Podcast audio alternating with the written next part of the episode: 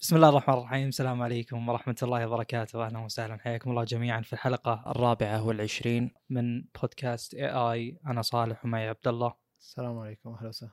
هلا. طيب أول خبر عندنا آه، متعلق آه، يعني أغلب الأخبار أتوقع متعلقة بأمور تصنيعية mass production يعني فتتأثر فيها الصناعات عموما مثل المعالجات مثل يعني إذا جاء جيل جديد من أي شيء غالبا يحتاج إلى mass production زي مثلا 865 من سناب دراجون فأول خبر هو عن بداية تصنيع ال 5 نانو من TSMC في شهر أبريل الجاي. TSMC طبعا صاير عليها ضغط كبير جدا بحكم ان حصة AMD توسعت بشكل كبير. وأيضا يعني مو مو بس AMD اللي تاخذ من TSMC فيه البايونيك من ابل أيضا من TSMC وأيضا أشياء أخرى تكلمنا عنها في الحلقات السابقة من البودكاست. المقصد ان الآن آه، بننتقل إلى process أو lithography جديد وبيصير السبعة نانو اللي كنا نقول عنه إنه شيء جديد يعني نوعا ما شيء قديم. هو بيستمر إلى نهاية السنة أتوقع الجيل الجاي آه، من AMD اللي هو بنهاية السنة بيكون 7 نانو. السنة الجاية بيكون 5 نانو. ف وإنتل طبعا إلى الآن في ال 14 nano لل desktop و10 نانو لللابتوبات. أسهبنا في هذا الموضوع. تكلمنا عنه كثير بس المقصد إنه آه، الآن يعني بتبدأ حقبة جديدة بالتصنيع فإذا بدأت حقبة جديدة غالبا آه، خطوط الإنتاج يعني تفرغ تنشال ال- يعني الفئات السابقة وتجي مكانها ال- الأجيال الجديدة. آه، للي ما يدري إحنا تكلمنا الظاهر بالحلقة الماضية ذكرنا عن مصنعين ال- السيليكون وال hardware زي المعالجات اللي هم سامسونج TSMC وإنتل وأكثر من شركة ف غالبا غالبا أتوقع والله أعلم وبحسب الأخبار أن TSMC ما راح يقدرون يوفون المتطلبات فممكن يصير فيه آه، يعني فئة تروح لسامسونج مثلا. آه، بما أن سامسونج ما هي صينية زي Kirin عند هواوي فما ما في حظر ولا في أي مشكلة. آه، عموما شيء ممتاز صراحة. للي ما يعرف 5 نانو معناها أكيد انه أفضل الأصل أنه أكيد أفضل توفير للطاقة أقل حرارة يعني. الحرارة المطلوبة لل- للمعالج بتكون أقل وبذلك تقل الحرارة المنبعثة من ال IHS اللي هو ال integrated heat spreader فيمديك أن تستغل ال- الفراغ هذا حق الحرارة اللي هو مثلا لو كانت عندك الحرارة على ال load 80 وصارت مثلا 65 مع ال process الجديد ال lithography الجديدة يمديك ترفع ال 65 هذه ترفع التردد مثلا ترفع الطاقة اللي تاخذها عشان توصل 80 وبذلك يكون حصلت على مثلا أداء أفضل بس والحرارة نفسها ويمديك تاخذ حل متوسط وتصير وفرت طاقة وزدت الأداء. آه، أي تعليق من عندك؟ طبعا 5 نانو أكيد إنها الأصل إنها خلاص مثلا الجيل الجاي بالجوالات اللي هو السناب دراجون 875 مثلا المفروض إنه يكون 5 نانو لأن أغلب الخطوط بتتغير اسم ال- الحين بدأوا تصنيع المعالج بيبدون بأبريل. إيه، لا بيبدون تصنيع المعالج حق السنة الجاية اللي هي 2021 المفروض إنه ينزل المعالج ذاك الوقت يعني. ممكن يعني يكون في نهاية السنة يعني شيء إيه، جديد؟ اقصد لا هو شيء مبكر على ال- ال- هو في العادة يعني عشان نصير نفهم إنه وقت الإعلان عن المعالج اللي هو بعده بشهر شهرين تقريبا تبدأ الشركات تاخذ المعالج. التصنيع قبلها بواجد اللي هو قبلها بفترة مم. طويلة فيبدأ طبيعي إنه يبدأ بأبريل. الغريب هنا إن TSMC ما هي سامسونج العادة المصنعة ل Qualcomm معالجات Qualcomm بشكل عام سامسونج الفترة الأخيرة. بس بدأت تتأخر سامسونج Exynos جت سنة ما أدري السنة الماضية واللي قبلها آه، ال Exynos 8 نانو وال Snapdragon 7 نانو. بنفس السنة على نفس الأجهزة يعني. فتأخرت سامسونج يعني ما كان لها يعني مثلا ميزة زي قبل. وطبعا هذه خبر زي إنه مصنع مبدئي يسوي process أو lithography جديد هذا يعتبر هي أول خطوة لأي جيل جديد يعني.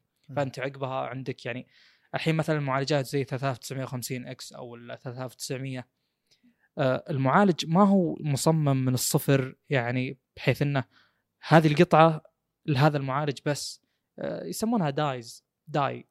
اللي هو تصير فيه أكثر من قطعة داخل. يعني مثلا أنا عندي المعالج الفلاني عبارة عن double المعالج ذاك فهي ال dies ال two dies هذه تكون في نفس القطعة ال chip فيصير هذا المعالج الجديد. حلو حلو. زين فيعني آه، وش اللي جاب الطاري لنا؟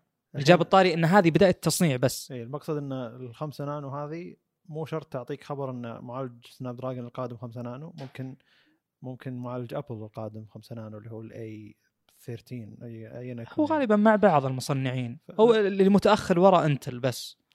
إي فالعادة إنه ممكن تقدر تطلع إنه زي هذا الخبر هو يعني واجهه الخ...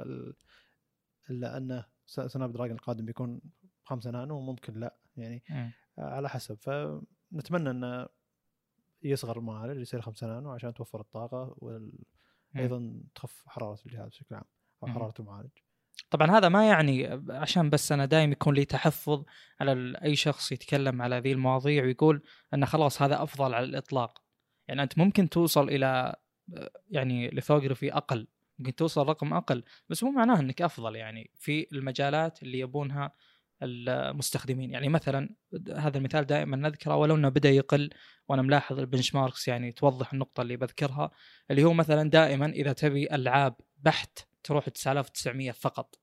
9900 هو اللي بيوفر لك ألعاب تجربة ألعاب ممتازة من ناحية إنه ما راح يسوي bottleneck الأصل الكرت يعني ما راح يحده.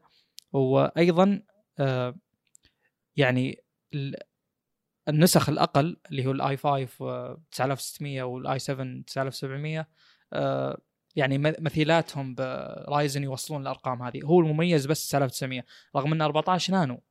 بس انها على يعني ما إنه على desktop ما راح يواجه يعني مشاكل من ناحية صرف طاقات وتبريد زين انتهى الموضوع. لا زال يوفر يعني تجربه أحسن بشكل بسيط ترى ما هو بشكل كبير من Ryzen ومو بكل الألعاب طبعا. يعني أنا شفت تجربة على 18 لعبة كان آه ال average حق المعدل 164 frame 3950X 158 frame. فالفرق 6 فريمات. وش 6 فريمات؟ شيء ما يعني مستحيل يلاحظ. طبعا أنا ما أقلل ما قلنا الفرق يعني تافه وما نحسبه. لا هو موجود الفرق بس إنه يعني بدأ يقل إلى أن يعني يتجه للعدم 3950X أغلى 250 دولار. ما هو من نفس الفئة بس أقول إن الفرق كل ما لا يقل لكن لا يزال اللي يبي ألعاب بحت يروح طيب آه، في شيء في شيء ثاني اللي هو كل ما جينا يعني الانتقال من 14 نانو أو 10 نانو إلى إلى 7 نانو أذكر. آه، كان في زي اللي إحنا أول شركة سوت السبعة نانو على جهاز وأطلقته. وبعدين تجيك شركة ثانية إحنا أول شركة فيصير شيء تسويقي أكثر من إنه شيء واقعي. وذاك الوقت يصير يعني مثلا معالج هواوي ذاك الوقت السبعة نانو كان أداء أقل تقريبا شيء بسيط من معالج كوالكوم اللي كان 10 نانو 14 نانو نسيت ذاك الوقت وش كان. لكنه أفضل في توفير الطاقة مثلا.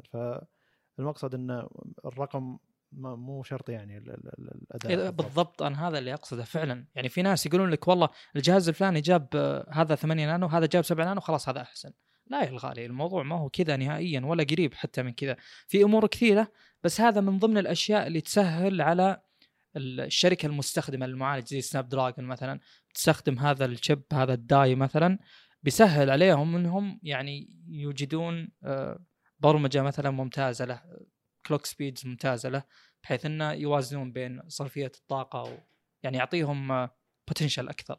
آه، فالمقصد إنه من أحد أهداف البودكاست هذا عموما إنه لما ينقال لك شيء تسويقيا تفهم وش ما وراء هذا الشيء.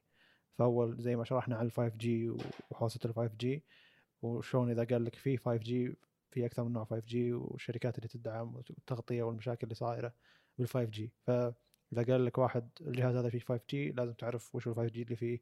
وال 5G ما راح يفيدك إلا فترة إلا بفترة بعيدة على ما تغطي الشركات. أقصد إن التسويق لما يقول شخص إن هذا الشيء فيه زي كذا ولا مثلا هذا الجهاز أول معالج كم الحين؟ 5 نانو.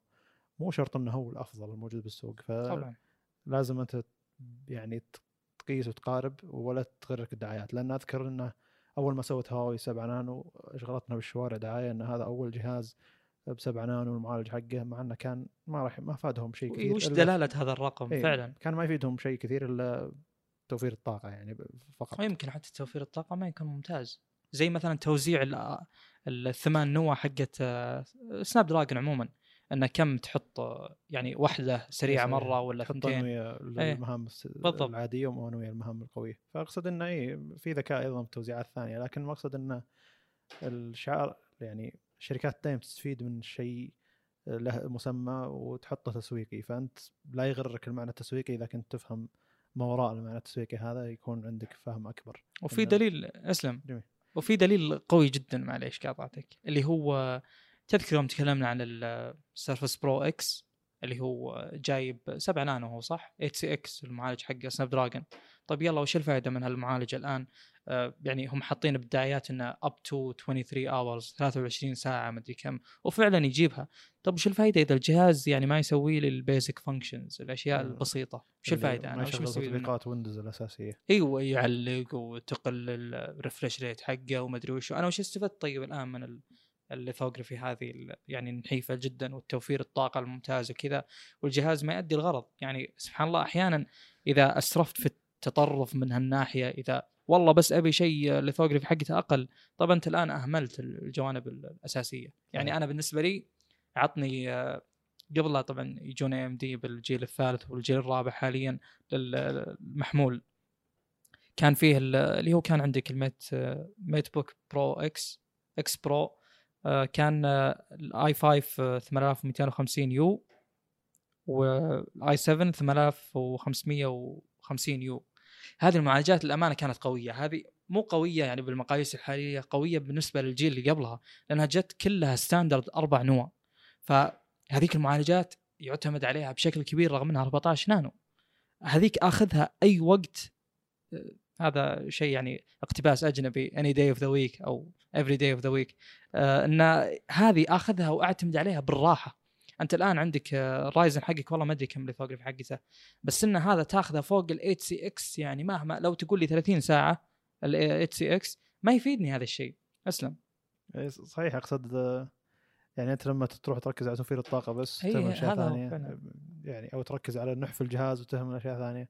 يعني زي آه، يعني أبل جهازها الأخير ال Pro Max 10 مدري إيه. 11 الاسم الطويل آه، ترى أثخن ووزنها أثقل لكن بطاريتها أفضل فالناس رحبت بالتغيير هذا ما عندنا مشكلة بالضبط. ان آه، الجهاز سميك أكثر وبطاريته أقوى ما عندنا مشكلة يعني نروح مم. ونفس الفكرة مع اللابتوب حقهم اللي كبروه إلى أكبر بطارية ممكن تقدر عليها تشيلها بطي- بطيارة ف شيء جيد يعتبر. مم. يعني شوف الناس شلون ركزت. أول كانت أبل شلون تركز على إن نبي النحف نبي الجهاز يصير فخم نبي بينما كانت بطارياتهم مو بذاك الأداء يعني. فمرات الشيء اللي يبيه المستخدم اللي هو أكثر عملية من أشياء ثانية. والتسويق إحنا يعني ما نبي ما نبي العبارات التسويقية تمشي على المستخدم. وهذا يعني بنجي عنوان أخير حلو. اليوم شلون إن العبارات المفروض إنها ما تمشي على على مو حتى المستخدم على حتى الشخص اللي له بحث ومرات شيء ينحط ضمن المواصفات أو يقولون ان عندنا الشيء ذا وهو يا الله موجود عندهم. المهم ننتقل للموضوع اللي بعده. في نقطة ودي أذكرها بس استشهاد يعني. أنا شيء ملاحظة بال- عموما الأجهزة الذكية أول كنا نشوف أرقام ممتازة من ناحية نحافة.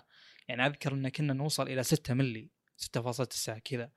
الآن لاحظت ال- صار 8 ملي عادي يعني ما حد يشتكى منه أو أي شيء. وهذا اللي أذكر أتوقع أنه شطفنا هذه النقطة عموما أنه من قال أن الشخص المستخدم عموما يفضل أن الجهاز نحيف على أن تكون بطاريته يعني ممتازة. أنا ما أتوقع إن في أي أحد ذكر هذه النقطة وعشان كذا الحين الأجهزة يعني حلت مشاكل كبيرة من البطارية. يعني صرنا نشوف يعني 4000 وطالع هو ستاندرد أصلا. فشيء ممتاز وهذا الأصل اللي المفروض يصير يعني. لا حتى السماكة حلت مشكلة ثانية اللي هو بروز الكاميرا من ورا يعني. إي بروز الكاميرا المسكة بعد. حط لي يعني 8 ملي وبدون بروز كاميرا أحسن من تحط لي 6 ملي و2 ملي بارز فيها الكاميرا ف شيء مقابل شيء غير إن البطارية أفضل يعني. ف يعني الناس يفضلون الشيء العملي أكثر من إنه أوه فخم ولا إحنا أنحف جهاز موجود بالسوق. هذه عبارات تسويقية ما نبيها. نبي, نبي شيء أكثر عملية يعني. المهم آه تكلمنا إحنا الموضوع اللي بعده. إحنا تكلمنا عن الأجهزة القابلة للطي بشكل مط- مطول تقريبا قبل أكثر من حلقة. ف وحسينا إنه يعني إحنا اللي صادمين جدار من ناحية إنه ما فيه آه، حل مساله العفطه اللي في وسط الشاشة أو المطب أو النتو مهم. اللي يجي من خلال إنك آه، تطوي الشاشة وترجعها كل شوي. من كلا الجانبين سواء إنك استخدمت أسلوب هواوي إن الشاشة تنصفط على برا أو على داخل آه، زي سامسونج كلهم عندهم نفس المشكلة هذه لكن TCL شركة شاشات تقريبا يعني آه، طلعت حل رهيب وهو يعتبر الحين concept اللي هو انه زي ما إن شاشة Xiaomi Mix Alpha اللي تكلمنا عنه إن إيه، شاشته. ملفوفة وراه لكن تخيل انه من ورا في شيء مغطي الشاشة وتقدر من على يسار الجهاز تسحب الشاشة اللي هي موجودة داخل الجهاز عشان تكبر الجهاز يصير كأنه تابلت فأنت لو تشوفه تحس إن هذه الشاشة قاعد تتمدد لكن واقعيا إن الشاشة كانت داخل الجهاز من الخلف لكن مغطيها من وراء زي غلاف أو والكاميرا وتصميم الجهاز وإذا سحبتها تسحب الشاشة الموجودة داخل بين. بين ال- الشاشة الكبيرة وبين الجهاز نفسه فالفكرة قوية جدا بالنسبة لي. أنا أشوفها إنها من أفضل ما استغلوه يعني الشركات من ناحية الشاشات القابلة للطي يعني أو حتى الحين صارت زي الرول أو زي ملفوفه لف يعني تقريبا ف شيء مبهر أول ما تشوفه وتحس إنه لا هذا مو واقعي هذا يعني شغل كمبيوتر CGI. لكن لما تشوفه فعلا ترجع وتقلب الجهاز يعني أقصد الفيديوهات اللي شفناها تقول آه صحيح. يعني الفكرة جدا مقبولة للتنفيذ وجدا ممتازة لكن بتأثر على سماكة الجهاز بتأثر على البطارية لأنه ما راح يكون في مساحة لأنه بيصير في شاشتين مطوية على بعض داخل الجهاز. فأحس انه لو بيسوون الشيء ذا بيحتاجون جهاز أسمك أو بيحتاجون تقنية بطارية جديدة أو بيحتاجون ممكن جهاز ما هو بذيك المواصفات. يعني يحطون جهاز أقل مواصفات عشان يقدرون يسوون شيء زي كذا. لكنه جدا مبهر. يعني أول ما شفت الشيء ذا قلت هذه فكرة عبقرية جدا وما أدري شلون ما فكروا فيها ناس قبلها مع الشاشات القابلة للطي يعني. الجهاز الثاني اللي سووه اللي هو زي اللي ينطوي مرتين على نفسه يعني زي اللي آه، ما أدري شلون أشرحها لكن زي ترى فهمت عليك تو. الشاشة. يعني اشرح هذه شرحت اللي قبلها كانت أسهل بس هذه المفروض إن ذي أسهل لكن بحاول أشرحها. كان كان الجهاز ثلاث قطع أو ثلاث ثلاث شاشات و يعني نفترض ان الجهاز 6 إنش جنبه 6 إنش ثانية جنبه 6 إنش ثانية. الستة إنش الثنتين اللي يسار الجهاز واحدة تنطوي ورا الجهاز والثانية البعيدة تنطوي على الشاشة الثانية وتصير كلها ورا الجهاز. فيصير الجهاز يعني على اليسار إذا كانت نفترض ان المفروض إنها تروح على اليسار على اليسار زي في انحناء وداخل الشاشة داخل داخل الجهاز. فهذه ما حلت مشكلة. هو شيء مبهر إن الجهاز كان بالحجم ذا صار بالحجم ذا فعلا لأنه صار فعلا طويل وكبير يعني أو على العرض حقه ممتاز. لكن فيه نتوءين بالشاشة اللي هي الصفطة الأولى اللي هي صفطة نص الجهاز والصفطة الثانية صفطة النص الثاني. فال- فالشاشة صارت أثلاث ثلث ثلث ثلث ثلث يروح ورا الشاشة ثلث ينصفط على الشاشة هذه. ف ما أتوقع إن إذا سمعت بس الصوت ما راح يكون عندك تصور لازم تروح تشوف وش TCL سوت. الفكرة الأولى مبهرة جدا الفكرة الثانية غريبة. صحيح إنها كبرت الش- الشاشة بشكل أفضل أو خلت الشاشة كبيرة بشكل رهيب قوي يعني. لكن آه، ما حلت مشكلة انه يصير في نتوء في وسط الشاشة أو مطب أو آه، اللي هو اللي يخرب منظر الشاشة عليك. crease يسمونه الأجانب. اي بالإنجليزي لها اسم. ثاني. المهم إنه كل كل الشاشتين بلاستيك يعني الحين تعتبر concept ما هم بايعينها ولا هم ولا هم. وهي شركة شاشات فمسموح لها إنها تستعرض بالمجال هذا علشان تعرض الشركات الثانية إذا يبون يسوون فكرة زي كذا. ف آه، جدا مبهر وتحس مرات إن شركة صغيرة مو معنى هي ما هي شركة صغيرة بس مرات تحس إن شركة ما هي رائدة يعني ما هي اللي دايم تتكلم عنها. يعني لما يجي طاري الشاشات يجي طاري سوني سامسونج LG ما يجي طاري TCL معهم أنا أنت شركه خدعت في التسويق الآن. شركة ممتازة. توك تذم التسويق؟ شركة ممتازة تعتبر يعني لكن ما تتوقع إنها تجي وتطلع لك فكرة ما كان أحد يفكر فيها أو يعني كذا تكسر السوق تكسر سوق شيء جديد بابتكار ممتاز يعني. من زمان هي وشارب كذا يعني اللي حاصل الآن مثلا يجيني شخص أنت خلصت ولا؟ ما ودي لا اقاطعك خلاص أنا شرحت اللي ابيه آه، يجيني شخص مثلا يقول والله أنا أبي آخذ الشاشة الفلانية أشوف الشركة الينوير أنا على طول أول ما أشوف الينوير مثلا أعرف الش- الشاشة منين جاية. فهو يحسب إنه والله كل شركة قاعد تصنع لحالها. لا لا. يعني مثلا إذا جت شاشة من Alienware يعني إنها من LG هذا الأصل طبعا. إذا جت من LG يعني إنها IPS فهذه قاعدة ثابتة. فعندنا الآن لو إن LG ما عندها نظام آه، الحين هو نظام التسويقي صراحة ممتاز. اسمه عندهم آه، يعني قطاع اسمه LG Tech حق شاشات بس حق monitors عندهم UltraSharp UltraFine UltraWide الثلاث أشياء ذي اللي تكلمنا عنها طبعا الحمد لله يعني ما شاء الله الأشياء اللي نتكلم عنها يعني فعلا يعني أقدر أسوي reference لها. أقدر جميل. أرجع أقول إن تكلمنا عنها بذاك الوقت حلو. عموما آه LG لو ما تسوق لو ما عندها LG Tech هذا LG Tech IT الظاهر اسمه عندهم حساب انستغرام لو ما عندهم الشيء هذا بيصير وضعهم زي TCL ليش؟ TCL و Sharp يصنعون panels ويبيعونهم يعني مثلا الآن أنا شريت آه، يعني مثلا في أشخاص يقولون لي آه، ال super ultrawide موجودة عند شركة AOC فأنا أبحث وش وضع AOC ألقاهم مستخدمين VA panel فأنا أعرف إيش؟ أعرف انها من سامسونج على طول يعني بشكل مباشر. فلو LG وسامسونج ما عندهم القطاع التسويقي هذا صاروا بتعتبرهم TCL أنت. لأن ال- المنتج النهائي ال TCL غالبا ما يكون بيدهم غالبا مو أكيد. شارب أذكر إنها قدمت تقنيات ممتازة من ناحية شاشة. هم الظاهر من أوائل الشركات اللي قدمت جهاز يعني حواف نحيفة وكذا لأنهم مصنعين. يعني أنا ما يهمني إن مثلا دل ولا طبعا دل و Alienware يأخذون من LG ما يهمني إن ذولا الشركات يأخذون ال panel ويعدلون عليه بحيث إنه يطلع ب color accuracy أحسن دقة ألوان أفضل. ما يهم هذا الشيء. أنا يهمني من المصنع من. اللي يتحكم يعني جميل. بال طب تفضل.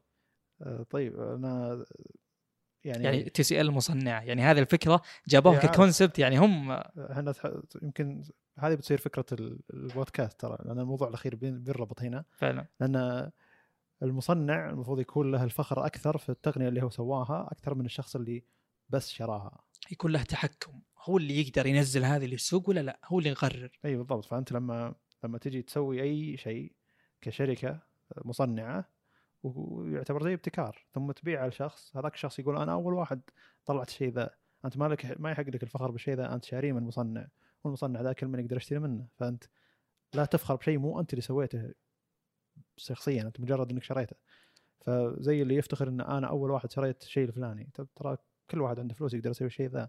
لكن الإنجاز إنك أنت تقدر تبتكر الشيء ذا زي ما TCL الحين سوت بالشاشات هذه اللي هي ابتكرت أسلوب جديد إن شلون الشاشات تنصفط على بعض. وفعلا يحق لها يعني الحين ما باعت هي بس استعرضت ولا طلعتها للسوق بس هي قاعد تستعرض الشركات الشركات الجاية لما تشتري بالضبط أنت بتعرف إن هذا من TCL يعني ما تجي تقول إن الشركة ذي طبعا بتتفاخر بنفسها إن إحنا سوينا الجهاز هذا بس أكيد ال... يعني أقصد.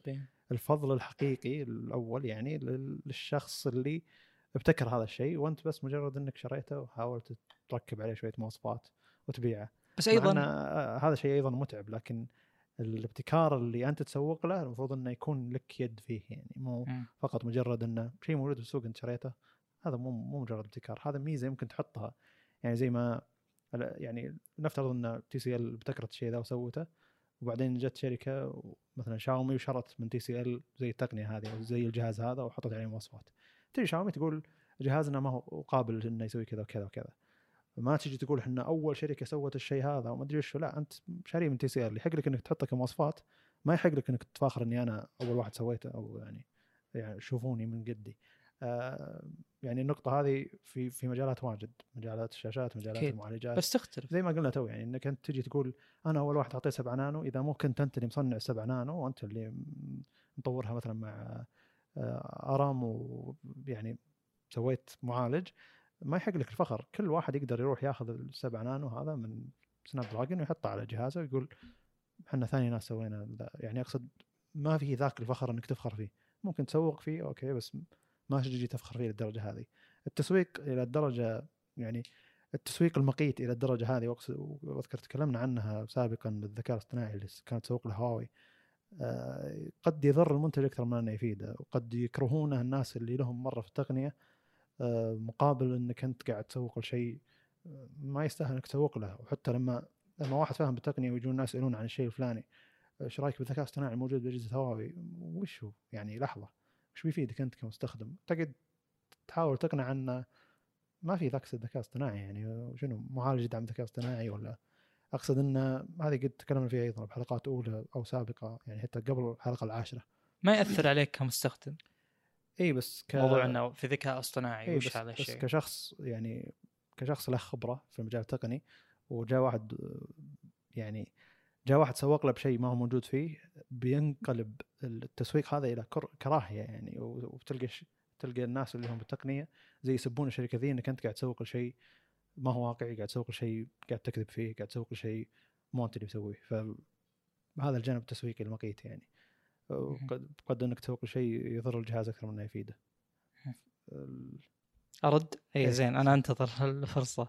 آه، أول شيء نقطة إنك موضوع الفخر ومدري وشو إن يعني الشركة المصنعة هي اللي المفروض إنها يكون ينسب لها هذا الشيء.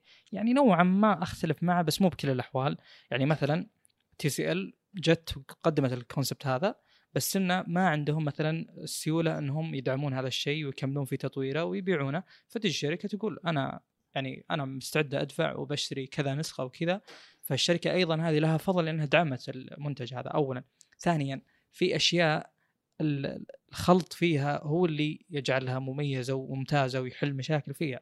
يعني مثلا من الأشياء المضحكة نوعا ما إن أول ما نزلت ال super ultrawides طبعا نزلتها LG IPS وسامسونج VA ومعروف هذا الشيء VA QLED و IPS بعدين الظاهر نزل منها Nano IPS عموما آه، فيه آه، Linus نزل آه، مقارنة بين LG وبين دل كلهم IPS وكذا كلهم super ultrawide نفس الحجم نفس كل شيء.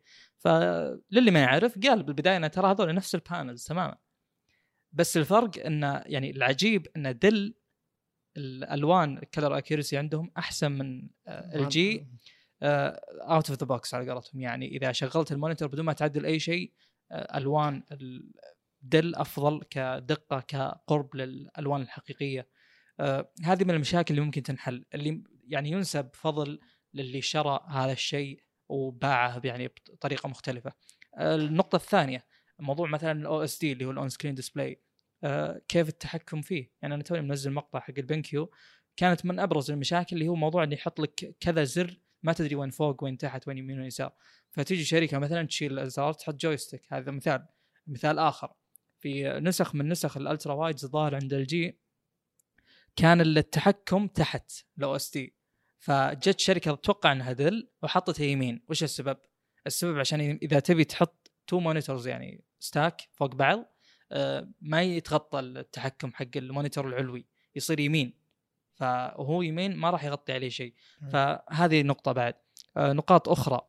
آه، إي أنا أشوف الشركات هذه سوت شيء وجمعت جهاز مثلا أو شاشة مثلا وحلت مشكلة. أيوه. لكن هي ما يحق لها إنها تجي وتقول إن أو تسوق لشيء إن إحنا سويناه أول ناس أو إحنا حطيناه أول ناس أو إحنا شرينا الشيء ذا. التسويق ما أتوقع في شيء حلو بالتسويق. ما أتوقع إن في. أحد يحب التسويق نهائيا يعني. الشيء الشيء اللي يحق لك تسويه إنك تحطه ضمن المواصفات إن. هذه الشاشة كذا كذا كذا ورقمها كذا و super ultra wide ما تجي تقول إن إحنا من ابتكر ال super ultra wide أو في ناس هذه ناس- وظيفتهم يعني. أول ناس سوينا يعني هي ترى كلمة أول ناس سوينا الشيء ذا دايم مبهرة من من الناس يعني وهذه أول شركة سوت الشيء ذا. فأقصد اي يعني إنك تحل مشاكل تجميعة الجهاز تطلع حلوة. يعني ممكن شاومي تجمع الجهاز من TCL يطلع تجميعته جميله ويعني زي ابتكروا حل البطارية من ناحية إن النظام يصير فيه مدري يعني حلوا أكثر من مشكلة بس ما يجي ما يجي يتفاخر مثلا الشاشة اللي هي قاعد تنطوي تحت الشاشة. لأن هذا من TCL يقدر أي واحد ياخذه. تفاخر بأشياء ثانية ان إحنا رغم الشيء ذا قدرنا نسوي كذا أقصد إنه يعني أقصد حقين تسويق ما يلتفتون للشيء ذا لأن هو يبي يسوق لأي شيء بالجهاز فعلا ويبي يحط كلمة أفضل أول أحسن يعني هذه دائما الناس يحبون هذه إي يعني. تلفت الانتباه يعني. ف هنا المقصد إنه شوي احترام يعني ما هم ما راح يحترمونك أنت الشخص يعني اللي OnePlus ليش حبوها الناس اللي مرة لهم في التقنية؟ لأنهم قاعد يقولوا لك إحنا قاعد نجمع لك جهاز قاعد نحط لك نظام Cyanogen وخذ الجهاز بأفضل سعر نقدر عليه. كذا حرفيا. بعدين بدأوا يسوقون لكم شغلة بعدين بدأوا يسوقون للسرعة. وفعلا آه، يعني شيء حقيقي التسويق حقهم. آه،. يسوقون الكاميرا؟ لا الكاميرا سيئة. يعني أنت لا تجي تسوق الكاميرا. فتجي رغم كل التسويق اللي صاير للكاميرا ون بلس إلا أنه صاير سب لها أنها عادية جدا يعني الكاميرا. فأقصد إنه مو شرط الشيء اللي تسوق له هو اللي يمشي جهازك. اسوق لشيء فعلا حقيقي يعني تقدر يقدرون الناس إذا جربوه فعلا يقولون أوه الشيء اللي سوقوه له الشركة ذي فعلا أعطاني نفس التجربة اللي هم يقولون عنها. هذا مصداقية يعني. التسويق أغلبه يعني كذب نوعا ما. طيب آه، نرجع لنفس النقطة بتكلم فيها شكلنا بنطول فيها. آه، من ضمن الأشياء اللي ينسب نوعا ما فضل للشخص اللي جمع هذا الشيء واللي تعتمد على الخلطة أكثر ما تعتمد على التقنية الجديدة زي مثلا الأجهزة الذكية زي اللابتوبات آه، زي ال motherboards يعني كم بتحط لي منفذ وش المنافذ اللي بتحطها؟ بتحط لي integrated Wi-Fi ولا بلوتوث ولا وش نوع الواي فاي اي إكس ولا اي سي ولا إلى آخره. آه، ال bandwidth بين كذا وكذا. كم عندي PCIe منفذ؟ آه، وش ال PCIe 4 ولا؟ طبعا هذا يعتمد على ال chipsets بس عموما الخلط هنا يعني في أشياء كثيرة. ال BIOS هل هو سهل للتعامل معه ولا لا؟ كسر السرعة وش وضعه؟ ال VRMs اللي هي اللي تجيب ال voltage توديه للمعالج يعني هي أكثر واحدة مسؤولة عن أو هي المسؤولة عن توصيل المعالج بالطاقة واعطائه الطاقة المناسبة له.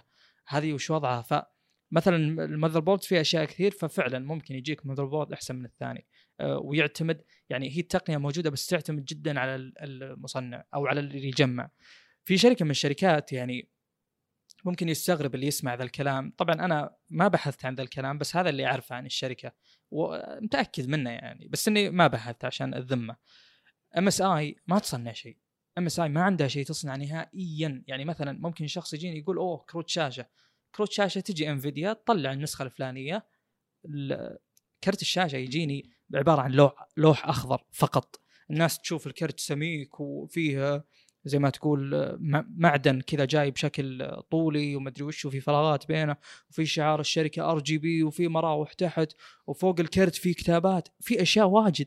طيب أنت فك الكرت جرب مثلا تغير معجون التبريد حقه تكتشف إنه عبارة عن لوح نحيف فقط. ما في أي شيء يعني ما في أي نتوء أي بروز يعني أي شيء نحيف جدا.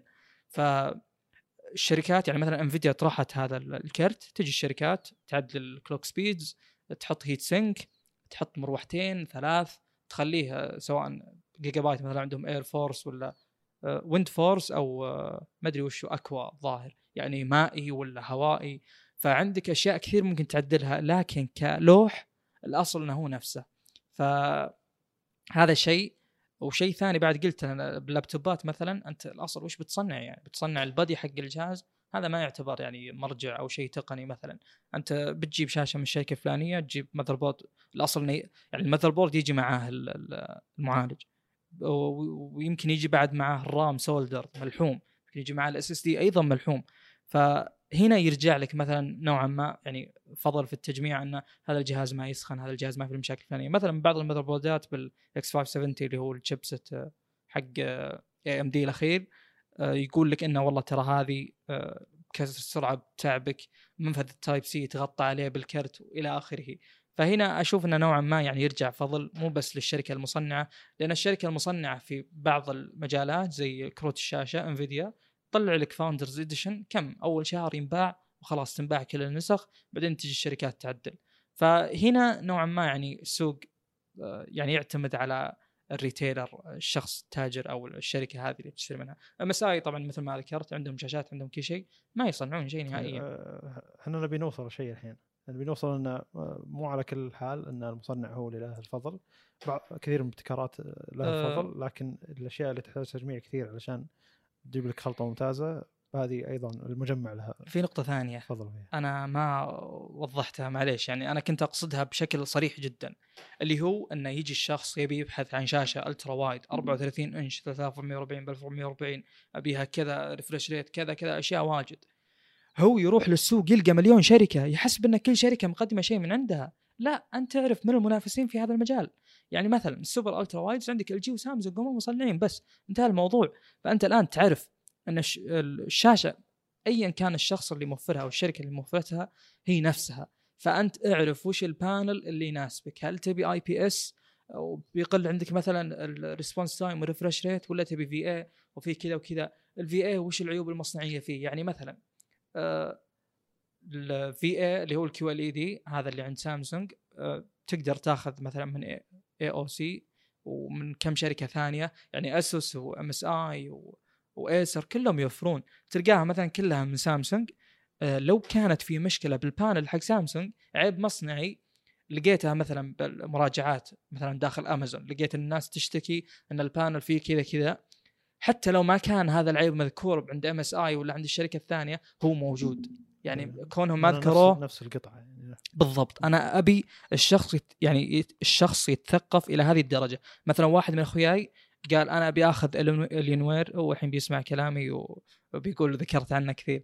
آه، يقول أنا أبي Alienware آه، 34 nano IPS مدري وشو هو يحسب إنها من Alienware. ليش أخذها ما أخذ LG؟ هذه من أحد الأمثلة اللي فعلا الشخص اللي اشترى هذا الشيء أو الشركة اللي اشترت هذا الشيء وباعته للمستخدم حلت مشكلة. يقول أنا ما عندي أي استعداد إني آه، آخذ power supply خارجي لل monitor. أبيه انتجريتد أبيه داخل. فهذه من الأشياء اللي يعني يكون له سهم الشخص اللي أو الشركة اللي باعت لكن كبانل هو ما يعني مو هذا اللي بيخليه بيحتار بين الاثنين لأنه نفس الشيء. هو بس يعني موضوع خارجي شاطح انحل من تجربة. المستخدم أكثر من إنها نعم. تقدر. تقول. أتوقع وصلنا للنقطة. أنا ما أدري إذا كلامي واضح ولا لا. بس إنه يعني فعلا أبي الشخص اللي بيدخل أي مجال معين يعرف وش موجود بالسوق. يعني مثلا مثلا آخر مثال آه، تبي تشتري لابتوب عندك Ryzen عندك آه، انتل صح؟ AMD وانتل صح؟ ف ش- تخيل إن كل شركة تسمي المعالج باسمها. زي مثلا آه، ابل عندها Retina Display وهي ال سي دي اي بي اس عادية يعني من إيه. شركة فلانية. فتخيل لو كل شركة جت MSI سمت معالجها SR مثلا. جت الشركة الفلانيه سمت فيحسب إن الشخص إن المعالجات هذه كثيرة موجودة بالسوق الموضوع محير ومدري وشو آخر شيء يطلعون معالجين ترى. العيب اللي موجود بهذا المعالج الاصل تلقاه كل مكان. كمثلا حرارة كشيء جذري ما مو شيء خارجي. مثلا ماونت ينكسر ولا شيء من هذا القبيل. أتمنى وضحت. إن شاء الله إنها واضحة. واضحة ولا لا؟ دائما تركز على التفاصيل وتنسى الفكرة العامة. ما أدري ان اللي قدامي يفهم ولا لا فأنا احاول يعني جميل. أشوف إذا فاهم ولا لا أسلم. مو مشكلة. إحنا نبي توصل مرحله الوعي إنك تعرف من المصنع نعم. علشان يعني ما تبدأ تروح تركز على التفاصيل الصغيرة الموجودة بال يعني ما تحسب إن العيب اللي موجود هنا ما هو موجود هنا لأن من اثنينهم مصنع واحد إلا إذا كانت أشياء تفصيلية أكثر. بس هنا الفكرة يعني. من ضمن الأشياء بعد مثلا في أشخاص قبل فترة جاني شخص يبي monitor بس مشكلته إنه ما في Thunderbolt ظاهر من LG يبي Type-C Thunderbolt فطبيعي روح ال- Alienware روح ال Dell تلقى نفس الشاشة يحطون لك فيها ال- الميزة الناقصة هذه.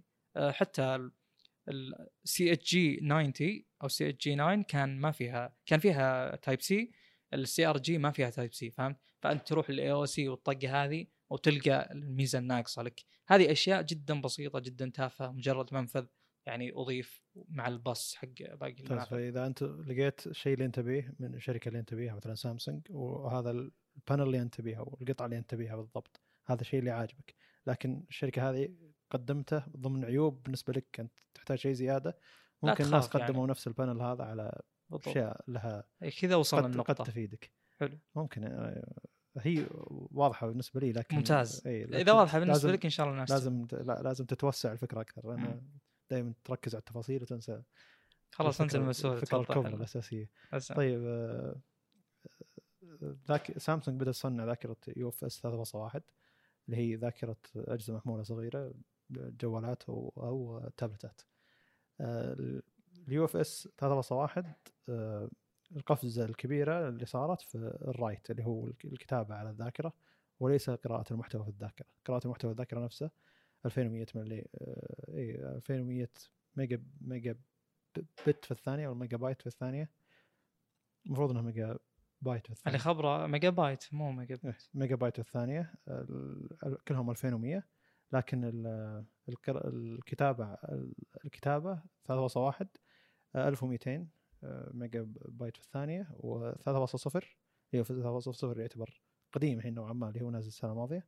آه، كان 410 آه، ميجا بايت في الثانية. فالفرق ثلاث أضعاف في الكتابة فإذا جد بتعدل على ملف بتحفظ ملف جديد بيصير في فرق شاسع جدا في السرعة من ناحية إنه يعدل على الملف اللي هو اللي هو الك- الكتابة على الذاكرة نفسها. فشيء يعتبر جدا ممتاز. لأن أول كان من ضمن يعني العيوب إنه ترتفع ترتفع يعني القراءة لكن ما قد ارتفعت بثلاث أضعاف طب يعني ليش؟ ترتفع الضعف واحد أو أقل من الضعف وفجأة كذا ارتفعت إلى ثلاث أضعاف ليش عيب طيب؟ ليش أنت تشوف إنه عيب؟ الحين إحنا بدينا نوصل إلى مرحلة انه يعني زي كاميرا سامسونج مثلا أو جهاز سامسونج يصور 8K مهم. لما تصور وتخلص الحفظ سرعة إنه قاعد يخزنها على الجهاز ثم يعرضها لك أسرع من ما انه قاعد يخزنها على الجهاز بصورة بطيئة اللي هو كان أقل بثلاث أضعاف والحين صار أسرع بثلاث أضعاف إنه يحفظها ويخزنها عليك يخزنها لك فما يصير. فيه آه، اللي هو شو نسميه بعالم الكاميرات إذا كانت الذاكرة آه، سرعه قراءتها أبطأ من سرعة تسجيل ال- الكاميرا يسمونه بفرنج أو إيه إيه، يصير في بفر يصير في زي اي تاخير بين سرعة قراءة الذاكرة للمعلومة وسرعة تسجيل المعلومة من نفس الجهاز. فالمشكلة هذه بتروح مع سرعة تسجيل البيانات بشكل هائل مثل تصوير الفيديو 8K مع المعالج الجديد. بيصير أسرع بمراحل تسجيل الفيديو على الذاكرة آه، ثلاث أضعاف يعني. وهذا شيء يحل لنا مشاكل آه، أكبر من ناحية الملفات الكبيرة آه، 4K ولا 8K إذا مستقبلا مرة وصلنا إلى مراحل إن تقدر تعدل على ملفات داخل الجهاز مع ان الحين يعني ما- ما في شيء تعدل عليه وشو كلها يعني ملفات صغيرة تعتبر اللي نقدر نعدل عليها. إذا بدينا نوصل نوصل بعالم أندرويد نقدر نوصل إلى أشياء فيها مونتاج أكبر أو يعني إذا وصلنا في برامج تقدر تعدل على الصور والفيديو بشكل أكثر آه، عدوانية أو قوية جدا يعني آه، بيكون هذا شيء مفيد. أنا الحين مقصدي الحين هو مفيد بس بتصوير الفيديو مثلا أو. يعني هذا الشيء الوحيد اللي أقدر أشوفه. أنا مقصدي بس أبي أبرر للتوجه السابق في رفع ال- ال read مقابل ال write لأن فعلا مثل ما ذكرت أنت أن تصفحك بالجهاز وانك تدور على صورة معينة وترسلها وتنزل تسوي scroll كذا تنزل تنزل آه هذا يعني أنت تحتاجه أكثر مما أنك تحتاج ال write. ف يعني كان مبرر له اللي يقول إنه والله هو عيب وانحل لا مو مو عيب وانحل قد ما أنه كان الاحتياج كذا والحين نوعا ما تغير الاحتياج. مثلا في كتابه يعني مثلا الحين صار لا الحين يعني مثل ما نقول خلينا نشوف سم. تصوير اجهزه سامسونج ال 108 ميجا بكسل بالضبط إيه وال 8K ترى. كلها لما تصور ياخذ فترة طويلة علشان يقدر يعالج ويخزن ال... احتياجه لبي يعني الحين خلاص جانا 865 قال لنا 8K ready من ناحية تصوير فخلاص إحنا لازم يا الشركة المصنعة يا هي سامسونج UFS يوفرون يعني سرعة كتابة ممتازة عشان يحلون المشكلة اللي هي جاية هم حلوها قبل لا تجي وهذا طبعا شيء يعني ممتاز جدا. أنا. بذكر أهمية سرعة الذاكرة بشكل عام. لما تجي شركة وتسترخص بسرعة الذاكرة هذا شيء يعني يضر تصفحك الملفات الجهاز. فلما تفتح الاستوديو يقعد تقعد الصور تطول على ما تفتح. لما تفتح آه، الملف فيديو يقعد الفيديو يطول على ما يفتح خاصة إذا كان 4K أو غيرها. فاذكر بيكسل 3 أو ما أدري أي بيكسل فيهم. كان موجود ال UFS 2.0 2.1 موجود يعني بالسوق مم. والناس أغلبها حاطينه. تجي شركة تحط آه، ذاكرة eMMC اللي هو اللي هي كانت جدا جدا ضعيفة رغم آخر آخر إصداراتها كانت القراءة آه، يعني كانت اي القراءة 250 آه، ميجا بايت الثانية والكتابة 125 ميجا بايت الثانية. فتخيل قدر البطء بينها. يعني الحين وصلنا إلى عشر أضعاف القراءة هذه. فشيء جدا قوي وممتاز السرعة اللي قاعد نعيشها من ناحية تصفح الملفات وهذا شيء يتطلبه حجم الملفات الجاي يعني. لا من السعة ولا من السرعة. فأنا أتمنى أن يعني سامسونج وال UFS حقها انه يعني يتقدم بشكل أسرع من ما أن الملفات تكبر حجمها بحيث أنه ما نعاني بفتح الملفات وحفظها لأن كلها راح تتطور. بنوصل إلى أن ال 8K هو أساس تصوير الجوالات. يصير 60 frame بدل 30 frame مثلا. حتى ال 4K 60 frame يعتبر متعب أيضا. مهم. المهم إنه ف ال UFS أو سرعة الذاكرة ضروري إنها تتقدم بشكل أسرع من تقدم سعة تقدم إيه، تخزين الملفات على الجهاز أو سرعة تخزين الملفات على الجهاز أو سعة وحجم الملفات اللي تخزن على الجهاز بشكل سريع أو بشكل مفاجئ على الذاكرة. يعني عشان نحتاج سرعة القراءة والكتابة. فهنا آه، ممتاز إنها تسرع يعني. ف يعني زيهم شيئين يتسابقون اللي هو السعة السعة وسعة تخزين الملفات سعة القراءة والكتابة وس- وسرعة ال- ال- الذاكرة نفسها في قراءة وكت- والكتابة على الملفات. فحنا نبي إن سرعة الذاكرة تتطور بشكل أسرع بحيث إن ما راح نعاني من انه يكون في تأخير في الحفظ مهما ارتفعت الملفات حجمها أو آه، عشان قراءتها. هذا الشيء اللي صاير. يعتبر شيء ممتاز ان سامسونج قاعد تعجل شوي لأن 3.1 يعتبر بدري عليه تقريبا. العادة ينزل على شهر 6 7 النص الثاني يعني. إي مع إنه يعني الإعلان دايم يصير آه، أبكر يعني. المفروض إن الإعلان خلال الشهرين الجاية ثم خلاص يبدأ ينزل على الاجهزه بشكل مباشر. آه، وما ينزل إلا على ال Note ما ينزل على ال S ال S يصير متأخر شوي في العادة. وتجي OnePlus تتفاخر ان إحنا حطينا UFS مدري كم وهو أصلا من سامسونج سامسونج ما عندهم ال UFS الجديد وهم نفسهم مصنعين له. لكن يعتبر شيء جيد له مسبقيه يعني. اي لأنه شيء قابل للقياس وشيء آه، يعني سرعة مباشرة. وهو يقول لك UFS وأنت من تسمع UFS تدري إنه مصنع سامسونج ف UFS ريتنا ما في لعبة اي ما في لعبة زي بعض الشركات اللي تحط اسم تسويق جديد اللي Warp مدري وش ذاكرة مدري شنو. المهم إنه ما ودنا نطلع أكثر من الموضوع. لكن آه، آه، ما نبي يصير في فجوة بين سرعة تخزين الملفات وحجمها وبين سرعة الذاكرة نفسها. لأن إذا صارت في فجوة بينهم يعني إذا صارت سرعة وسعة الملفات أسرع وأس... وأكثر أكثر سعة من الذاكره وسرعتها هنا بيصير في التأخير اللي كنا نحس فيه أول أيام ال eMMC اي حتى أيام ال eMMC إيه. كانت كنا نعاني من الشيء ذا. يعني كانت الجوالات في منها اللي توصل 40 ميجا بكسل وفي منها اللي توصل 4K ذاك الوقت. فكان ال 4K متعب على الذاكرة. فتح الملفات تصفح الملفات الثقيلة تصفح الصور والفيديوهات كان متعب لأنه قبل لا يجي ال UFS. فيعتبر يعني سرعه قراءة الذاكرة تعتبر نعمة ولازم تفقه وش الشيء ذا إذا انقال لك إن سرعه الذاكرة وش هي. لا بعالم ال PC ولا بعالم الاجهزه الصغيرة والاجهزه الذكية. من الممتاز إنهم عدلوا على الشيئين الحين فصار تقريبا قريب من بعض أو يعني فرق الضعف لكن فرق الاحتياج بين ال read وال write أو القراءة والكتابة على الذاكرة. طيب الذاكرة ذي نفسها بتروح أول جهاز بنحط عليها احتمالية يعني اللي هو ال K30 Pro من شركة شاومي أو ريدمي يعني تابعه تقريبا تابعة لشاومي. آه الريدمي الجديد ال 30 Pro ال 30 العادي تكلمنا عنه سابقا حفر على الشاشة LCD 120 هرتز. تكلمنا عنه أول السنة لأنه هو نزل تقريبا نهاية 2019 وبداية 2020 آه، الجهاز هذا الحين جت عليه تسريبات إنه بيكون بكاميرا منبثقة نفس أول. الكاميرا الخلفية بيكون تصميمها زي OnePlus 7T تقريبا زي ال 130 Pro اللي هي كاميرا دائرية. ونزلت له صور. بيصير بذاكرة UFS 3.1 وال RAM LPDDR5 والمعالج بيصير 865 سناب دراجون. فهذه المواصفات نعرفها هي أعلى أعلى شيء موجود بالسنة. فالمفروض إنهم يحطونها على الجهاز زي هذا. أتمنى إنه يكون 120 هرتز.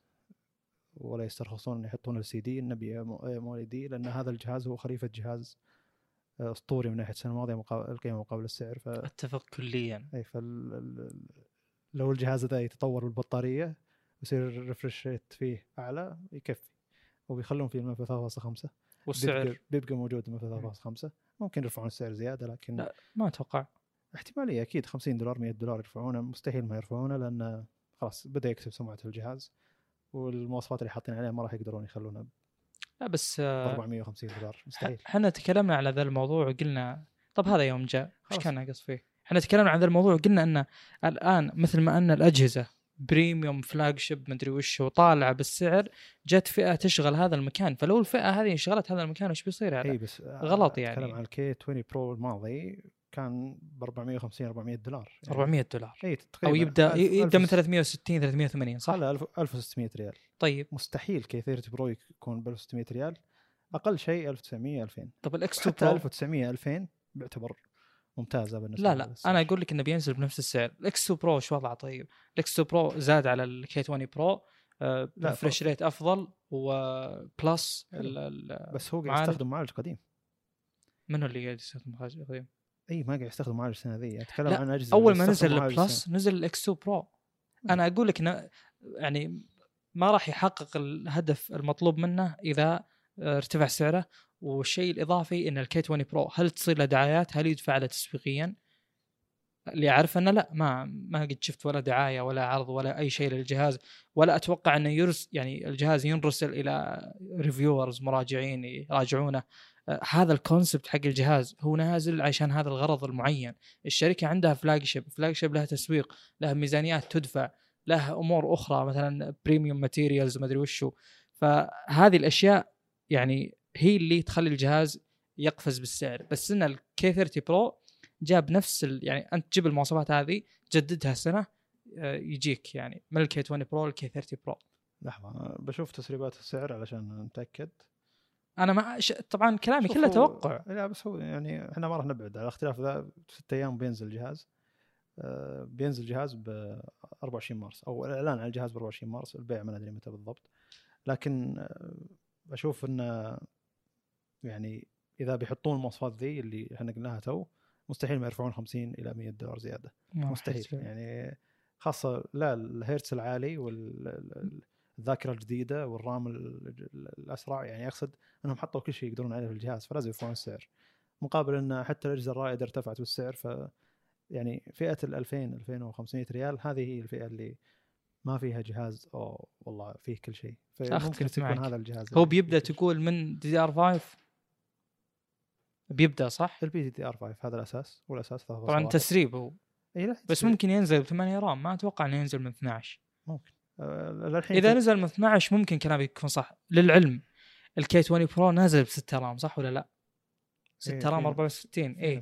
فهذا من أبرز الأسباب اللي تخلي السعر منخفض فهذا يخليني أيضا أقول إن الجاي مستحيل يبدأ من 12 رام ما ما هي طبيعة الأجهزة هذه. الاكس 2 برو والكي 20 برو كلهم يدورون حول نفس تقريبا الفكر يعني السعر الممتاز. حتى البوكافون كان خبر 360 تقريبا صح؟ مقارب جدا. أقصد فما أتوقع يرتفع. ست أيام نعرف السعر الله. كامله يعني ما يحتاج نطول ذا النقاش. لا بس أنا النقاش اللي بعده بيكون اي صح. أنا بس أبي أوضح فكرة الجهاز هذا. هو ما هو والله ال premium flagship حق سامسونج اللي أتوقع إنه ما في حدود بالسعر. تقدر ترف ترفع وتبدأ من يعني سعر مرتفع. هذا الجهاز غرضه واضح جدا يعني تماما. أبى أعطيك أقل شيء بالصندوق أبى أعطيك الميزات الأساسية. ما راح أعطيك شيء زيادة عن الحاجة زي مثلا آه، بعطيك 2K مو زيادة عن الحاجة بس إنه يعني هم يعطونك أقل شيء يوفي الغرض. بس إنه يحاول إنه ما ينقص مواصفات. ما راح أعطيك edge ما راح أعطيك أشياء زي كذا. مقابل اني اعطيك جهاز ممتاز ولا راح أدفع بالجهاز تسويقيا عشان ما أرفع سعره عليك. فتعجبني هذه الثقافة جدا وأتوقع إنه بيمشي كذا. إذا ما مشى كذا هو ما حقق الغرض اللي نازل عشانه. يعني مثلا ال- المي 9 برو 5G هذا الجهاز يعني ممكن يرتفع سعره ما أقول لا. بس إن هذا ما يرتفع سعر الكي 20 برو هو نزل والكي شاومي 30 10 وارتفع سعره قلنا سعره المرة الماضية. يعتبر هذا-. هذا يدفع له تسويقيا. يختلف. هم. نفس يعني مت- متقاربين جدا بال hardware تقريبا بس هذا يبقى- النسخه العالمية للنسخة يعني يعني تقريبا. مم. المهم إن نروح للموضوع اللي بعده. آخر شيء. طيب آه، هو شيء ما هو جديد كخبر بس إنه جديد كتجارب وك يعني نشوف ونقارن باللي يعني قلناه آه، سابقا عن ال- الموضوع هذا اللي هو كنا نتكلم عن الماك برو الماك برو الماك برو. يعني أتوقع أن تكلمنا عنه بشكل كبير بس إنه ما كان فيه يعني كانت عبارة عن أرقام على ورق ما في تجارب حقيقية. يعني تشوف هل الأرقام هذه تؤدي المطلوب منها هل تترجم إلى واقع بشكل ممتاز. آه، فشفت أنا طبعا تجارب كثيرة وانصدمت يعني. ما أنا ما توقعت شخصيا ما أقول إني خيب أملي أو أي من هذا القبيل بس أقول إني ما توقعت إنه فعلا يعني يطلع بهذا الشكل السيء. حرقت طبعا الكلام اللي بقوله. بس أنا بتكلم بشكل واقعي. أنا من الأشخاص مثلا اللي دائما أقول تعجبني الابل Pro Display XDR بغض النظر عن السعر أنا يهمني إنها تقنية مثلا جديدة. طيب خلينا نتكلم بالماك برو المشكلة الأساسية بماك برو إنه كل كم يتجدد هو. هو النسخة الأولى نازلة الظاهر ب 2006 النسخة الثانية ب 2013 النسخه الثالثه ب 2019 فهذا دليل على انه مستحيل مثلا تكون خمس سنين وينزل الجيل الجديد منه. فهو بيطول. هذه النقطة الأولى. كون الجهاز بيطول بينزل وبيقعد سنين فلازم يكون على قولتهم cutting edge ولا bleeding edge technology لازم يكون شيء جديد كليا. يعني يكون جديد كليا عشان يلبي الهدف المطلوب منه إنه يجيب شيء يعمر يقعد موجود. أنا الآن وش الفائده أجيب لك جهاز بيقعد خمس سنين بالتقنية الموجودة حاليا عند الناس. أنا وش حققت؟ يعني مثلا معالجات زيون حقت الماك برو موجودة للبيع تقدر تأخذها يعني. فهي ما هي حصرية. كروت الفيجا موجودة للبيع ما هي حصرية. في نقطة بس بأجل ذكرها مو مو موجودة بالبيع ولا هي حصرية موجود اللي أحسن منها أصلا يعني. فالنقطة السلبية الكبيرة جدا إنهم جو طبعا مع إنتل بحكم إنه أصلا في مصالح بين إنتل وأبل آه، من شراء قطاع ال 5G ومدري وش والكلام ذا الطويل اللي آه، كان متوقع ينزل الآيفون وكذا. فأتوقع بسبب إنه بين أبل وإنتل بعض المصالح يعني خلت أبل تكمل وتروح لهم بالماك برو. الماك برو مبني على أساسات قديمة جدا مو قديمة يعني بالنسبة للوقت الحالي تعتبر مقبولة بالنسبة للوقت الحالي بس إنه بعد سنتين ثلاث بتكون مضحكة. يعني بعد سنتين ثلاث أكيد إن ال PCIe 4 بيكون على أقل جهاز موجود. الآن على الماك برو اللي يبدأ سعره من 5000 دولار مدري كم ما هو موجود. يعني ليش؟ آه ال 14 نانو طبعا آه يعني له محدودية. يعني المعالج ممكن نمشي وضعه بس كون إنه ما يقبل ال PCIe 4 هذه مشكلة. أنا شفت تجربة 4 آه، تيرا لسرعة القراءة والكتابة للماك برو وهذا هو الشيء اللي خلاني يعني أجيب الطاري وأتكلم. القراءة والكتابة تقريبا يعني معدل 2900 2900 على جهاز تو نازل ب 2019 وجهاز يعني هو الشيء اللي ما حصل من قبل يعني على تسويق أبل وإنه الشيء المميز والشيء اللي جمع كذا وكذا وكذا يعني اعطوك يعني قائمة أشياء. 2900 هذه أنا قبل ثلاث سنين شريت ال 960 Pro. ال 960 Pro على معالجي الأربع نواة اللي هو ال i7 6700 اللي كان تقريبا الأفضل gaming على وقته بالراحة. يعني كان هو الشيء الأفضل بذاك الوقت. قبل أربع سنين تقريبا أربع أو خمس اجيال يعني هو. إحنا الآن بالجيل العاشر فهو الجيل السادس وتقريبا كل سنة وشوي ينزل جيل جديد.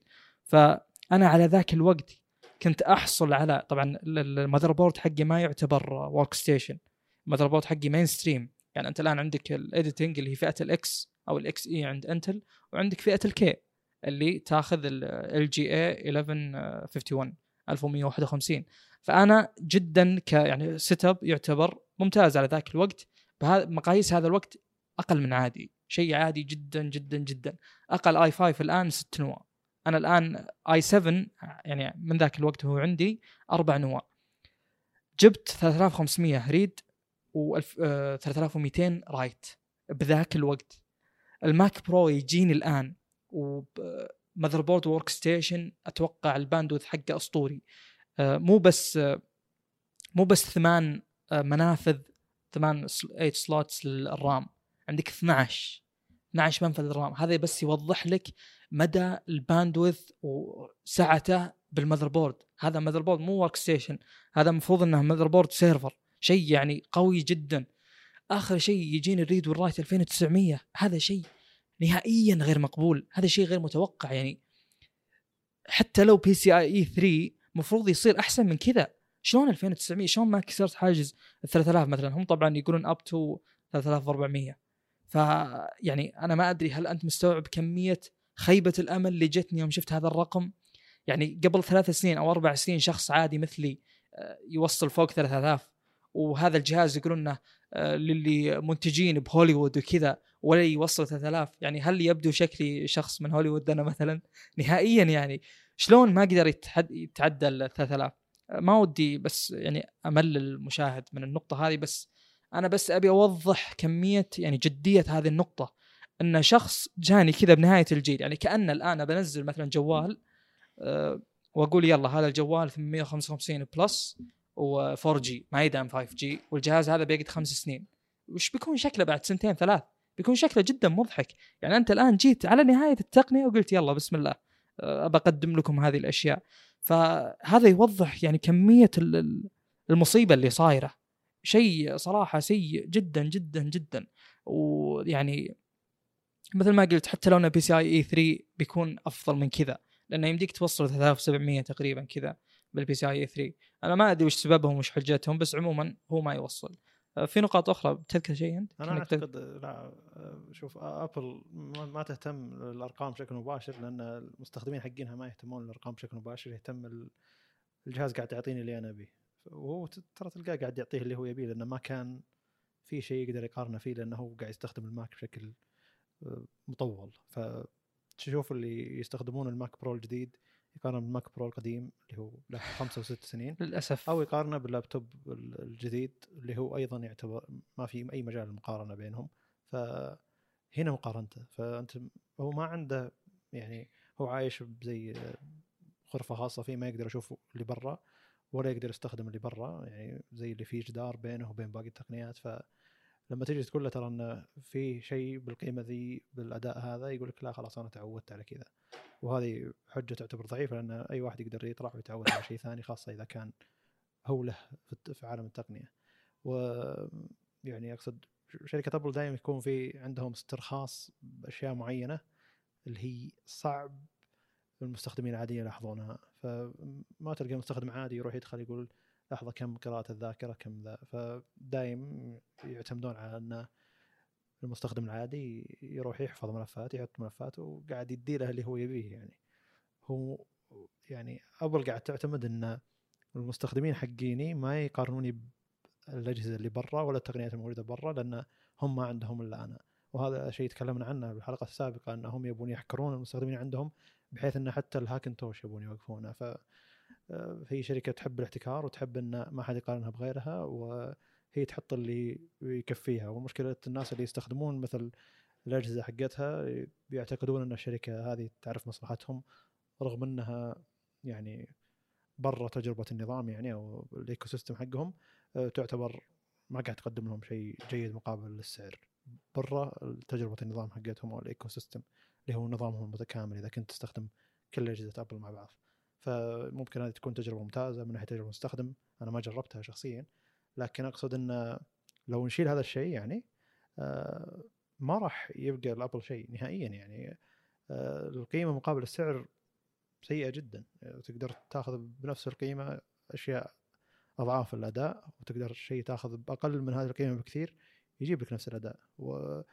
وأنا ما أدري إذا كان أبل ما تعرف إن في بي سي PCI 4 جاي بالطريق علشان ما تنتظره في نقطة هنا. تروح تاخذه يعني هو هذه التقنيات ترى تظهر زي ما ذكرنا الرامات تظهر عند بسبوك يسمونه اللي هو يعني تسوي custom لشيء معين أنت شركة B2B business to business. أطلب هذا الشيء المعين وخلاص تصنع لي أو يصنع لي أجهزة أي، معينة. سيرفرات بهذه التقنية جميل فهي موجودة من قبل AMD نزلتها لل main consumer فقط يعني. هذا اللي صار ترى.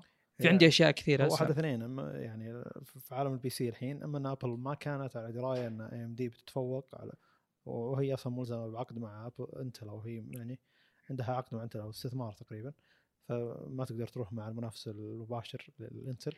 هذا شيء يضر بشراكتها واستثمارها. و... أو الشيء الثاني انه في يعني استغفال وهذا شيء الغالب يعني. أن الشركة دائما تحط الكلمات التسويقية أكبر من الواقع يعني ومرات تحط تحط شيء تسويقي هو يعني ما هو حقيقي ولا أنت قاعد تقدم لي أحسن شيء بالسوق وهم دائما يذكرون الأحسن الأفضل. شيء زي كذا. آه، طيب نكمل. آخر شيء بذكره بذي النقطة بس آه، شيء مكرر اللي هو أنه يقول لك هذا الجهاز ترى ما هو لك يا المستخدم العادي أنت ترى ال- المنتجين بهوليوود. وآخر شيء الرقم هذا ما يتميز على جهاز شخص عادي أو أي شخص يقدر ترى يشتري. الآن ال- ال- إحنا تكلمنا قبل كم بودكاست أو كم حلقة عن إن ال SSDs رخصت بشكل كبير عن قبل. فالآن ال 960 Pro كانت 330 دولار. الحين يمديك تاخذ ال 970 Pro بأرخص من كذا بكثير 200 دولار ولا يمكن أقل. فهي صارت الآن بأيدي المستخدم أكثر وأكثر. فإيش يعني؟ وش تقول لي هوليوود؟ ولا هوليوود ولا شيء. طيب نكمل موضوعنا. ذكرنا أن التقنيات قديمة. في نقطة أساسية جذرية جدا جدا أبي أذكرها وهي صراحة مربط الفرس. أنت الآن يا يعني الشخص المستخدم لهذا ال- ال- الماك برو آه، لو أنك مز... يعني عندك آيفون وتقول لي والله أنا عندي أشياء ما هي موجودة عندك ابى أقول لك والله تمام. ليش؟ ال Bionic مثلا ما هو موجود بأي مكان. آه، يعني بعض الأشياء ما هي موجودة بأي مكان. آه، مثلا زي التطبيقات وكذا.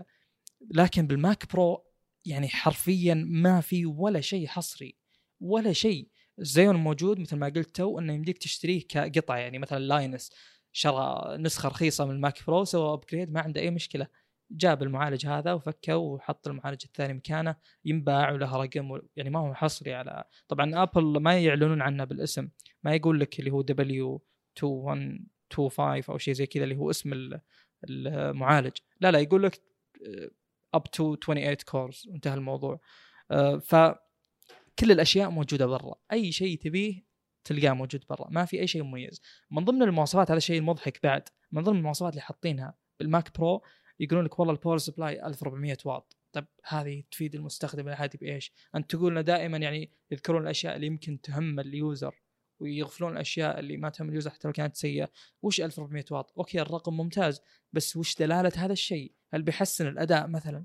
ما راح يحسن ولا شيء، هم شافوا إن الرقم كبير قالوا لك يلا خذ هذا رقم كبير، يعني مثلا أنا عندي 1000 واط وظاهر ال1000 غالبا يجيك بلاتنم فئة أعلى ويجيك packaging يختلف وكذا. ف وش دلالة هذا؟ وش تاثيره على أداء جهازي؟ ما يأثر ولا شيء. هم شافوا أتوقع الرقم كبير قالوا يلا خلينا نرميه تسويقيا لأن أغلب الأشخاص اللي عندهم مثلا PC ال gaming تلقى ال power supply من 550 850 واط بالكثير. فهذا شيء أيضا ما له أي دلالة. في أشياء كثيرة والله يعني تنذكر. عموما أنت يا الشخص اللي معك ماك برو يعني هنيئا لك بس ترى ما عندك أي شيء مميز. فوش اللي خلاه يوصل إلى أو يبدأ من 5000 دولار ما في شيء يبرر. حتى حصرية النظام آه، لي رد عليها. طيب آه، نخلص الماك برو إي خلني بس نقطة أكبر. اسلم. اللي يخلي هذا الكلام يروح ويرجع مو بس إن الشركة يعني قدمت شيء زي كذا ويعني overprice أو سعر أعلى من السوق. وبس يعني. المشكلة انبهار الناس اللي يحبونها. هذا شيء الدفاع. أي يعني يقول لك يعني على طول يحط لك wow wow wow شركة تسوي كذا. أو التصميم رهيب. أو الجهاز ينفتح بطريقة ما أدري شلون. أو الجهاز ما فيه ولا أسلاك يعني أشياء مو مرة مهمة. يعني فالشيء اللي يقهر في الأشياء زي كذا إنه ما عندي مشكلة إن شركة تجي وتعطيني شيء فوق السعر وتسوق له وتحطه بتصميم حلو وأشياء زي كذا لكن ما تجي تقول لي إن ما في شيء زيه بالسوق ولا هو أحسن شيء ولا تمدحه وتنبهر فيه ولا تحط صورته وتحط قلوب ولا يعني إيش صاير. ولا تجي يعني تسوي مقارنة بينه وبين لابتوب عمره سنة. يعني شيء جدا مضحك. يعني أي واحد له خبرة في أي مجال في التقنية بيعرف ان أكبر لابتوب ممكن تشتري أعلى قيمة لابتوب ممكن تشتري بنص القيمة ذي تجيب لك PC أفضل يعني خاصة إن لابتوبات كثيرة أسعارها فوق المعقول. ف شيء واضح ومعلوم يعني.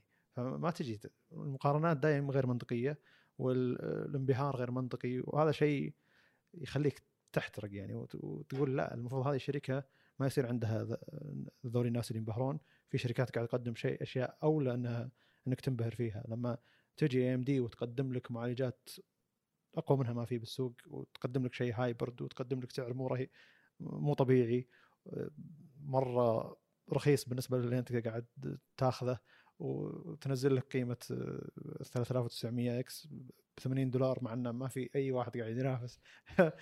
هنا تقدر تقول wow والله الشركة ذي قاعد تسوي شيء ما قدرنا نسويه وانتل بنفسها قالت إحنا ما إحنا قاعدين نرجع منافسة إلا بعد سنة وشوي. فهنا هذا هنا هذا عنصر تجي تصفق وتقول أنتم صح عليكم أنتم خليتوا سوق ال PC أرخص وأنتم خليتوا سوق المعالجات يتنشط شركة لكم ما أدري كم سنة يعني شوي نايمين وتوكم تصحصحون من ناحية انه قاعد تنافسون اللي قدامكم ونافستوا منافسة اقوى منها ما في. وأخذتوا الأرباح اللي أنتم تستاهلونها. هنا تصفق وتقول واو وتنبهر لين تقول بس. وهذا من أفضل الاشياء اللي صارت السنة الماضية ب 2019 يعني. لكن لما تجي وتحط أشياء قديمة وتعطيه سعرها فوق ما, ما هو معقول ويجونك ناس ينبهرون بأن جهاز ما فيه أسلاك وجهاز ما أدري شلون تصميمه جميل وعليه شعار أبل و... ما هو لك ما هو لك دائما تحط تحت عشان تقدر تحط تحت كفرات وتمشي الجهاز. 400 دولار. إي ف... فأقصد انه استخفاف هذا الشيء. هنا عنصر ما في أي إبهار يعني أي شركة تقدر تحط كفر أي واحد بالعالم يقدر يحط كفرات على ال PC حقه. يعني إي أي واحد بالعالم يقدر يحط cable management ممتاز للجهاز ويخفي الأسلاك وتصير شكله جميل. يعني الشيء اللي ينبهر فيه المفروض ما ما ما ينبهرون فيه لهالدرجة. وهذا شيء للأسف إنه يخليك تكره الشركة أكثر. أنت تحترمها إنها قاعد تسوي شيء بالسوق قاعد تقدم نظام ecosystem محترم قاعد تقدم تجربة مستخدم كاملة ممتازة. لكن لما يجي واحد جدا مهووس ويقول لك إنه ما في شيء مثل هذا بالسوق هذا اللي يخليك تقول لا تعال هنا في عيوب هذا غلط هذا غلط هذا غلط وهذا اللي يخلينا نتكلم أكثر يعني. ان الناس اللي يحبون شركة أبل يحبونها بشكل مبالغ فيه لدرجة إنك أنت تروح تكره شركة أبل. رغم إنك المفروض ما تكرهها هذه شركة قاعدة تقدم شيء بالسوق ما حبيتها براحتك حبيتها براحتك. ودايم كذا يعني أي شركة يكون لها محبين مبالغين آه، في اللي هي قاعد تسويه رغم إنها هي قاعد تسوي شيء موجود في السوق آه، يخلي الناس تكرهها بزيادة. آه، سواء نادي رياضي سواء شركة قاعد تقدم شركة ألعاب شركة بي سي شركة تقنية أي شركة يكون لها محبين مبالغين في حبها ومدحها دايم يجونك ناس يكرهونها بسبب الشيء ذا. ف ودايم تصير لو تلاحظها أنت يعني. وش الأشياء اللي تكرهها؟ ليش؟ عشان الناس يبالغون في مدحها أو آه، يعني زي كذا. يصير انبهار على شيء ما يستحق. فهنا النقطة إن إحنا قاعد نعيد ونكرر مو علشان إن ابل نفسها سوت شيء غلط أو يعني آه هذا الشيء غلط 100% ممكن هذا شيء مفيد الناس واجد ويبونه ينتظرونه من فترة طويلة. وإذا جاك والناس المفروض إنها تفقه وش هي التقنية بيقول لك إنه okay هذا واقعي هذا هذا كنت شيء أحتاجه من زمان أنا كمستخدم أبل آه لما تجي تسأله السؤال اللي هل تقارن شيء بالسوق؟ قال لا ما اقارن بشيء بالسوق أقارن بشيء يعني آه، وش اللي قدمت لي الشركة هذه وأنا ما أقدر أستخدم شيء برا الشركة هذه. لما يكون شخص يحب شركة أبل وواقعي إنه يقدر يستخدم الشيء ذا ويدري إنهم معطينا سعر أكبر مما هو عليه هذا براحته بس ما يجي عنصر بهار ولا يجي إنه أوه ما في زينا بالسوق أو ينبهر بأشياء أسخف من إنها تستحق الانبهار. فهذه هذه النقطة اللي تكرره الناس في الشركات عموما. حتى سامسونج مرات تكرهها من كثر ما إن في ناس قاعد تمدحها مع انها شركه كبيرة يعني. طيب في نقطة يعني ممكن تكون مميزة بالماك برو بما إنه جهاز work آه، station يعني ما هو جهاز آه، زي ما تقول ما هو جهاز عادي. آه، هو بما إنه أقرب يعني أتوقع ال motherboard حقه أقرب لل server ف يقبل 12 منفذ RAM. وهذا الشيء اللي خلاه يوصل إلى تيرا ونص وهذا رقم يعني غير معتاد. يعني أنا قاعد أشوف معالجات workstation زي ال Threadripper مثلا ما يوصل يعطيك إلى 256 يعطيك ثمان منافذ إلى 256 ف أنا قاعد أحاول طبعا إلى الآن لا زلت أبحث وش السبب اللي يخليهم يوفرون إلى تيرا ونص RAM. وحتى ال RAM أنت تتوقع أنه والله bleeding edge technology شيء جديد مرة؟ لا. 2933 ECC. هذا شيء مو موجود الآن ولا قبل سنة موجود من سنين. ما هو شيء جديد ابد يعني سرعة ال RAM عادية جدا جدا جدا. يعني stock speed حقت ال Ryzen الجيل الثالث 3200 حتى لو تاخذ 3600 زين. حتى مو ال X يعني. ف stock speed حق اللي يطلبها Ryzen أعلى من ال speed اللي ما تقدر تكسرها أصلا بال Mac Pro. آه، عموما خلينا ندخل بالكم benchmark اللي شفتهم. آه، في واحد من آه، ال YouTubers أجنبي هو متعصب لأبل معروف يعني بس أنا قلت بشوف التجربة اللي جايبها هو. جايب Threadripper هذه نقطة بذكرها قبل أذكر المقارنة، الآن ال Mac Pro يبدأ من ثمان نواة والظاهر فيه 10 أو الظاهر ما في 10 8 12 16 24 28 أتوقع شيء زي كذا. عموما ايا كان هو يبدأ من 8 ينتهي 28 أه هل فيه workstation يبدأ من ثمان نواة؟ هذا السؤال المضحك بالنسبة لي. يعني بعطيك مثال. الآن Threadripper الجيل الثالث يبدأ من كم؟ يبدأ من 24 24 32 64 هذا workstation حقيقي. عندهم 3900 X اللي يعتبر mainstream هذا عشان يرخص النقطة الأولى يعني لا بس المبدئي. أنا ما أدري شلون في شركة تصنع workstation الآن بثمان نوى. workstation ثمان نوى شلون يعني؟ يعني آه، صار مثلا مثل ما قلت 3900 X i9 9900 ثمان نوى 16 thread الجيل الجديد بيصير ال i9 ال mainstream 10 نوى عند انتل 3950 X ما يعتبر workstation ك motherboard ك chipset ومعطيك 16 نواة ومعطيك 32 thread فأنت شايف الفرق؟ يعني هذا شوف هذه الأرقام اللي بادي فيها ال Mac Pro أرقام 2014 2013 2015 لو جت بذاك الوقت بقول okay يعني حلو الجهاز. فهو جاب الشخص هذه المقارنة جاب Mac Pro ب 15000 دولار يعني كم؟ 15000 تقريبا 55000 وجاب Threadripper 3970 مو 960 اللي هو 32 نواة. فجاب هذا مقابل آه، Mac Pro النسخة اللي كفته أو فلوسه اللي كفت ال 15000 جابت له آه، 12 نواة فقط. فعندنا الفرق أنا عارف إنه كبير. عندنا 32 مقابل 12 آه هذا 256 الظاهر RAM وال Mac Pro أكثر. 768 والله ما أدري كم بالضبط. بس عموما آه الرامات الظاهر أكثر ال- ال Mac Pro. آه قام يجرب آه وي render ويجرب يعني يشوف فرق الأداء وكذا. من قومه إن الفجوة كبيرة بين الاثنين. لاحظ 5000 15000 من قومه إن الفجوة جدا ضخمة. هو كل شوي يجي يجرب يقول أوه الحين ال Ryzen أو معليش ال Threadripper أسرع بمرتين. أو الحين ال Threadripper أسرع بثلاث مرات. مرة من مرات قال أوه هنا الصدمة. ال Threadripper أسرع ب 43% بس. لاحظ يعني من كثر ما انه ما في مقارنة. طبعا يجيك شخص يقول لك والله الماك OS ما أدري OS X ما أدري شو اسمه والله. يقول إن ال optimization فيه ممتاز وإن قابلية الشغل وإن ال hardware وال software من شركة واحدة ومن ذا الكلام. الحين جيب ال optimization حقك جيب كل شيء وحطهم مع ال- الجهاز هذا وقارنهم بال Threadripper اللي هو مجمعه يعني المفروض ال optimization يكون جدا عادي يعني وجاب أداء أحسن بمراحل فلكية. بعض الأماكن آه، يعني كانوا مقاربين بالأداء بحكم إن البرامج اللي استخدمت ما كانت scalable إحنا ذكرنا أتوقع هذا الشيء إن مثلا الجهاز أو البرنامج هذا يستخدم 12 نواة. فلو تخليه إن شاء الله 50 نواة ما راح يستفيد منهم. زين؟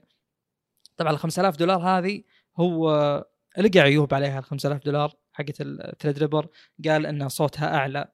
أعلى من ال... لأن شاري مراوح سيئة طبعا يعني مبرد عادي وقال إنه يقدر اعلى يشتري كيس أفضل يقدر يشتري كيس أفضل يقدر يقلل دوران المراوح يعدله بحيث إنه يكون أفضل وبنفس الوقت أقل إزعاج. يعني ليش مخليهم على الماكس؟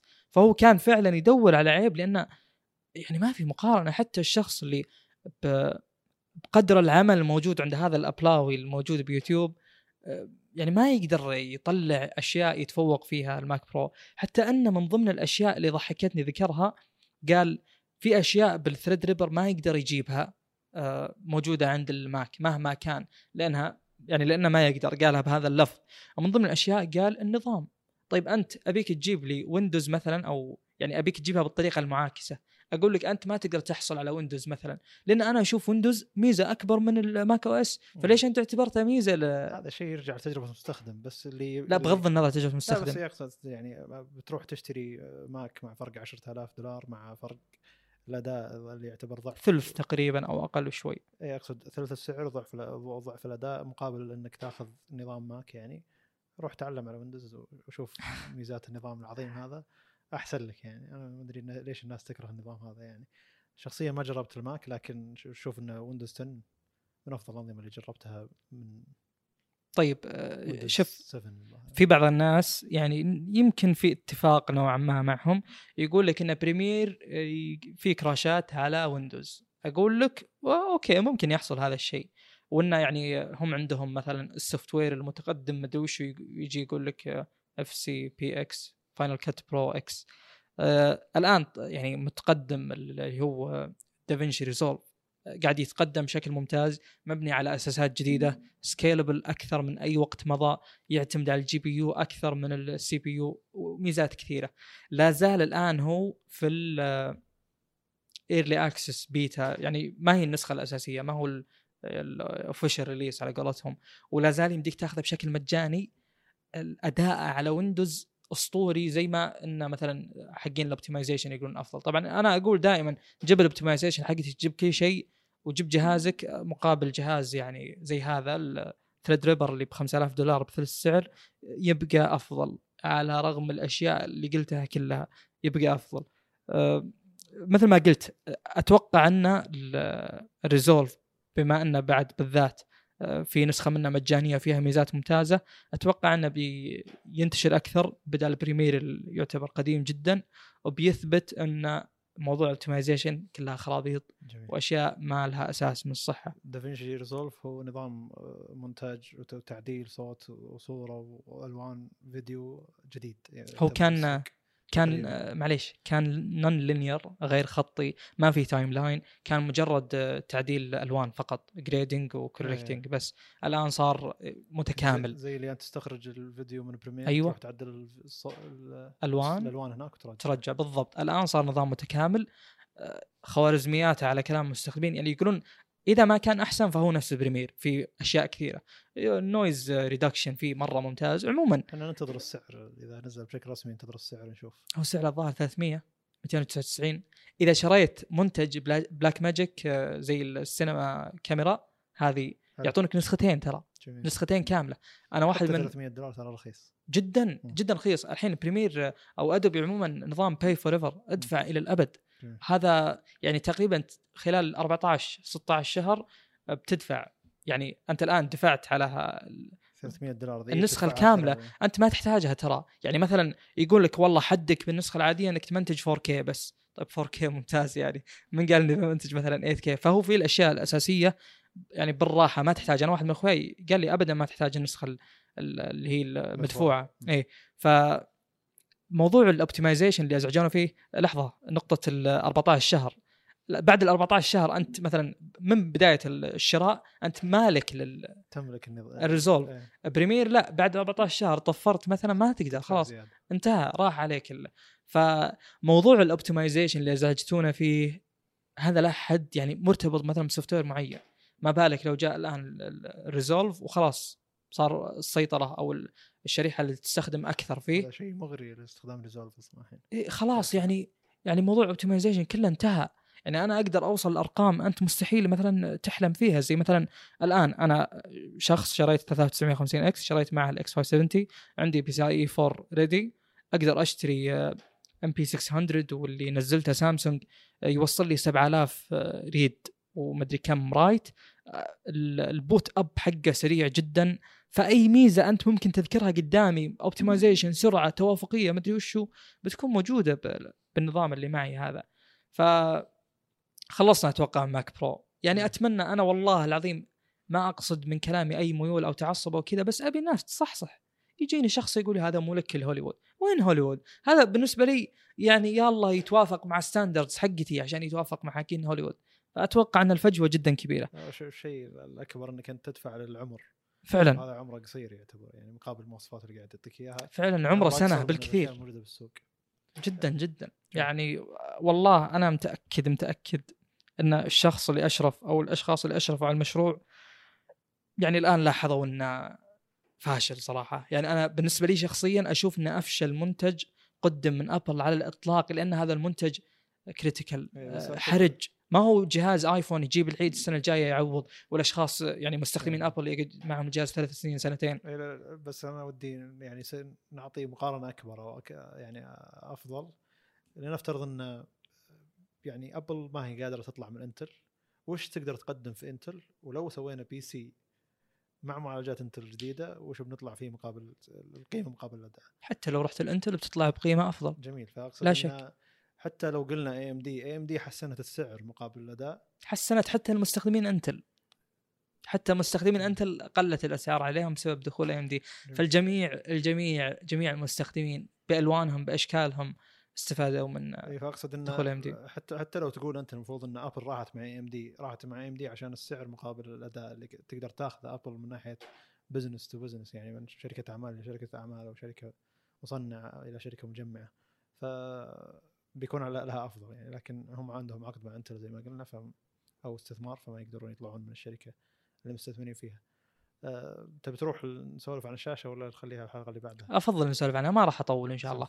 آه الشاشة Apple Pro Display XDR أنا من الأشخاص اللي معجبين فيها. ذكرت كثير إن هذه هذه bleeding edge technology هذا شيء جديد غير مسبوق ما جاء من قبل ومن ذا الكلام. طبعا لا زلت منبهر ويعني أشوف انه شيء ممتاز صراحة. إلى أن يعني قبل كم يوم شفت شخص آه يعني colorist شخص آه ملون وكذا ومتخصص ياباني أتوقع يشتغل. يقول أنا أشتغل بشركة مدري وش بهوليوود. عموما يعني شخص الأصل إنه خبير وكلامه جدا مقنع. أنا يعني ما بحثت بالقدر الكافي عن ال Apple Pro Display XDR يعني أنا ألوم نفسي الغلط مني. أنا انبهرت يعني المفروض إني ما أنبهر. آه، المشكلة الأساسية أن أبل جو بالمؤتمر وجابوا السوني شو اسمها XHR 3 شيء زي كذا اللي هو ال reference monitor اللي ما يعرف reference monitor يعني monitor ال color accuracy فيه دقة الألوان وحقيقيتها عالية جدا بحيث أن الأشخاص أو المسؤولين عن يعني التلوين في الأعمال هذه الكبيرة يقدرون يعدلون الألوان بحيث أنها تكون أقرب للواقع بحيث انه مهما راحت لاي جهاز تكون ألوان حقيقية. عموما ال color science شيء مرة مجال بعيد ما راح نذكره الآن لأنه أصلا يعتمد على مقاييس علمية ما يعتمد على مجرد نظر لكن عموما دقة الألوان وحقيقيتها تفيد في تقريب الصورة للشخص ال colorist هذا اللي بيلون يعني المحتوى اللي قدامه. أه، مشكلة ال Apple Pro Display طبعا إنهم بالمؤتمر ذكروا إنها تقارن بالسوني وقالوا إن أنت تقدر ب 5000 دولار تاخذ شيء أحسن من 43000 دولار اللي هو سعر السوني لكن في مشاكل كثيرة ما وضحت يعني أه، نظام ابل يعني أكثر أكثر أو أكثر شيء مستفز. لأي شخص مهتم بالتقنية يعني أتوقع بالحياة إنك تدخل على موقع ابل عشان تطلع مواصفات لأنهم ما يعطونك مواصفات. يعطيك أشياء جدا عشوائية وعامة. فأنت الآن مثلا تبي تعرف إيش وضع الشاشه من الناحية الفلانية التحكم بال brightness إلى آخره. ال brightness كم أقدر أتحكم فيه؟ كم أقدر أعدل بالألوان بحيث إني أوصل لنتيجة ممتازة؟ ما تقدر تعرف أي من ذي الأشياء. تفاجأت يعني من الأشياء المفاجئة إن ال Apple Pro Display ما فيها مثلا شو اسمه ما فيها DisplayPort ولا فيها HDMI. ما فيها آه يعني بس عندك أربعة Type-C Thunderbolt تشبكها الشاشة تشتغل. تفصلها الشاشه تطفى اللي عارفه انه ما في أي زر. فأنا ليش تستحقرني لذي الدرجه اللي تخليني ما أقدر أتحكم بأي شيء؟ يعني مثلا آه، لو نفرض إن فيها auto brightness وممتاز النظام وإلى آخره آه، ممكن أنا ما أرتاح لدرجة السطوع هذه وتزعجني. ما علينا ما راح آه، أذكر التفاصيل كثيره هنا. أي شيء احترافي المفروض فيه إن إمكانية التحكم فيه تكون عالية جدا adjustability. يعني مثلا كاميرا احترافية بيخليك تتحكم كل شيء تتحكم بال coding وما أدري وش ال codecs تبي ProRes تبي RAW يخليك تتحكم بالايزو تتحكم بال shutter تتحكم بال aperture الفتحة تتحكم بأشياء كثير. هذه طبيعة الأماكن الاحترافية. أما الشخص أما الشيء الأركيد مثلا الجوال كاميرا الجوال تلقى الأصل إنه يفتح لك على الوضع ال auto مجرد إنك تضغط زر وتصور. زين؟ فهذه النقطة أبي أوصلها انه إذا أنت بتقدم Apple Pro شيء محترف أو احترافي آه، للمستخدمين الاحترافيين حقينك المفروض تعطيهم فرصة إنهم يتحكمون ويغيرون الشيء بناء على متطلباتهم لكن هم Apple ما وفرت هذا الشيء. المشكلة العظمى اللي موجودة بال Apple Pro Display XDR اللي هي ال local dimming أنا الآن من البداية كنت احسب انه micro LED يعني كل بكسل له إضاءته الخاصة فيه اللي هو نفس ال concept حق ال OLED يصير هو زي ما شرحنا المايكرو إيه، ذكرنا كل شيء. قلنا إنه wow التقنية الخرافية وكذا. وأنا كنت فعلا منبهر. اكتشفت إن الآن مثلا لا لحظة. هو هذا اصل مسمى التقنية وهذا الحقيقي شلون هي تشتغل. لكن Apple أخذتها وزي ما أخذتها بكامل قدراتها. لا في شيء في نقطة caveat على قولة الأجانب يسمونها النقطة هي اللي تكشف أن الموضوع مصيبة. هو يرجع لنقطة ال adjustability إني أبي أعدل ال brightness أبي أعدل ال contrast saturation إلى آخره. ال local dimming يعني أنت الآن مثلا تأخذ جوال تلقى ال PPI حقه 550 مثلا. ف 550 بالإنش الواحد عندي 550 بكسل مثلا. فأنت متصور إن الرقم 550 للإنش الواحد بالشاشة اللي مكانه الصغير هذا فيه 550 يوم تجيب شاشة 6K 6K الشاشة حجمها 32 تعطيني 576 منطقة هذه كارثة. يعني أنت كأنك تاخذ إنش من شاشة الجوال وتوزع على شاشة كبيرة تقول يلا أنا وفرت لك local dimming الآن. طيب يعني وش فائده ال micro LED الآن؟ آه يعني المفروض الآن هو بس عشان يتصور الشخص اللي يسمع وش وضع الشاشة. بيصير الشاشة كلها يعني مثلا هذا الربع يشتغل مع بعض. يشتغل ينور كل شيء أو يطفى يصير ما في نور نهائيا. وش مشكلة هذا الشيء؟ الشخص ذا الياباني اللي طلع وتكلم قال إن ال local dimming أنت ما تقدر تتحكم فيه. أنا طيب أبي اطفيه أنا مستعد إني ألقى لون أسود آه يعني مضيء. ما هو أسود صفر nits صفر شمعة. آه فالسلبية العظمى إنه ما يمديك تتحكم فيه. وبذلك آه الصورة اللي تشوفها قدامك ما هي حقيقية طبعا. يعني يصير في لون أسود وفي لون أسود جنبه هذا الأسود مضاء وهذا لا. وهذا ما يعطيني تجربة حقيقية. يعني ما يعني المفروض إن اللون الأسود يصير خلاص بهذا القدر من ال... موضوع ال color gamut وال color accuracy زين هو بس المشكلة بال local dimming هي المشكلة الأساسية. آه، والنقطة الثانية في خدعة يعني مستفزة جدا جدا جدا بالموقع. يقول لك ال contrast ratio بال monitor هذا مليون إلى واحد. الرقم هذا حصري لل OLED ليش حصري لل OLED ال OLED إذا اشتغل البكسل ينور. إذا ما يحتاج إنه يشتغل يبي يطلع لون أسود يطفى تماما صح؟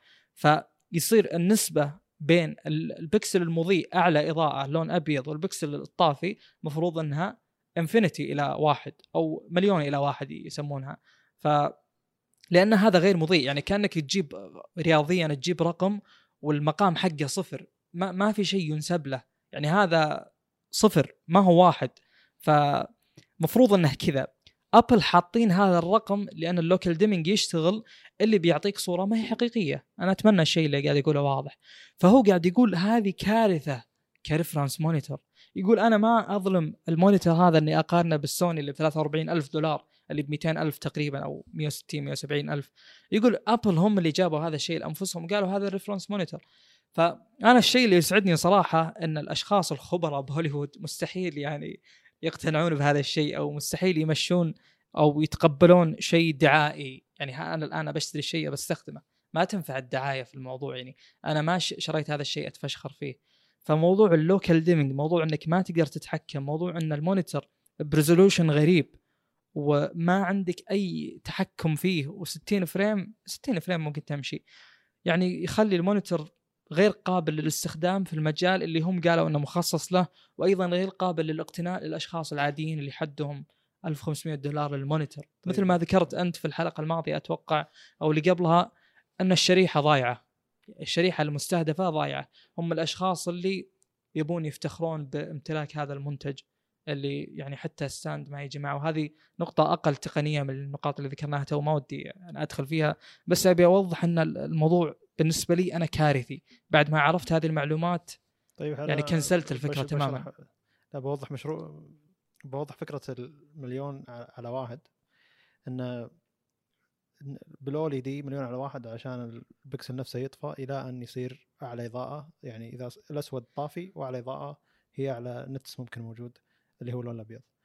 فيصير مليون على واحد أو أي يعني أي رقم كبير يعني. أكبر ما هو ألف على واحد حق ال IPS يعني المفروض ال monitor هذا يكون ألف إلى واحد. فأبل لما جت حطت الرقم هذا ما حطت البكسلات السوداء الموجودة في ال local dimming أو يعني منطقة ال local dimming اللي مشتغل فيها بكسل. أيوه. فوش اللون الأسود اللي موجود فيها؟ لا. أخذت منطقة ال local dimming اللي هي تعتبر كبيرة نوعا ما بالنسبة لل micro LED. micro LED المفروض انه البكسل نفسه هو اللي بيقدر يطفى يعني. فيعني زي ما شرحنا قبل إن ال micro LED آه، في بكسل صغير هو اللي يتحكم بإضاءته ف هم أخذوا أقل يعني النقطة اللي بال local dimming الطافي مقابل أعلى نقطة في ال local dimming يعني أو المنطقة. حقة التعتيم اللي هي إذا كانت مشتغلة أقوى ما هي آه، على أقوى إعداد باللون الأبيض. ف غير عادل. الشيء العادل إنك تأخذ نفس المنطقة هذه لما يكون فيها بكسل شغال والبكسلات اللي تحتها شغالة وتشوف اللون الأسود كم يطلع. كم بيصير؟ اي ما أدري. بيصير 1000 إلى واحد لأن اي بي اس اي بي اس حدها 1000 إلى واحد. تخيل من مليون إلى واحد إلى 1000 إلى واحد هذه كارثة. من المواقع يعني من ضمن المواقع المتعصبة اللي أنت تعرفها ودائما تذكر عنها اللي هو The Verge كاتب إن من ال cons pros و cons سلبيات وايجابيات كاتب من ال cons إن ال local dimming يعني أخي خلني أطفيه طيب أنا ما أبيه شكرا. يعني أنا مجرب ال local dimming عندي بال CRG 9 ولو إنه قليل جدا بس إنه غير قابل للاستخدام وأنا وأنا شخص colorist أبي أعدل الالوان لأنه ما يعطيني نتائج حقيقية. سم كنت بتذكر نقطة أتوقع. اي فالنقطة هنا إن لما لما تقول لي micro LED المفروض إنه يكون micro LED نفس ما تقنية مشروحة عند العالم كلها. زي ما شرحناها إحنا بحلقات سابقة يعني. ف لما تجي تحط اسم تقنية موجود قد يكون موجود بشاشتك لكن تحط عليه تقنية ثانية مثل local local dimming اللي هي تقنية تعتبر أقل جودة من ناحية إنها قاعد تعطيك أداء للشاشة. شو الفائده إنك حاط micro LED؟ فزي إحنا كنا كان نقطة الإبهار في الشاشة إنها micro LED يعني هذا شيء مبهر جدا ترى و... فعلا. ومن حتى ال resolution ما هو مبهر ومن مسلم. أول الشاشات اللي حطت micro LED وعندنا كنا ننتظر شيء زي كذا إنه أو ممكن يحل المشكلة هذه اللي هي التعتيم في ال... في الشاشات ال IPS يعني. لكن لما تجي تحط تقنية أقدم على شيء أجدد وش تبي؟ ليش؟ إيش صاير؟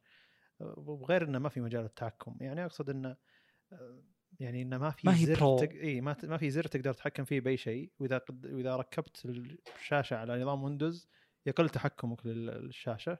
إذا ركبت على نظام ابل تقدر تغير بعض الإعدادات من ناحية الدقة من ناحية ال- السطوع حق الشاشة يعني بعد.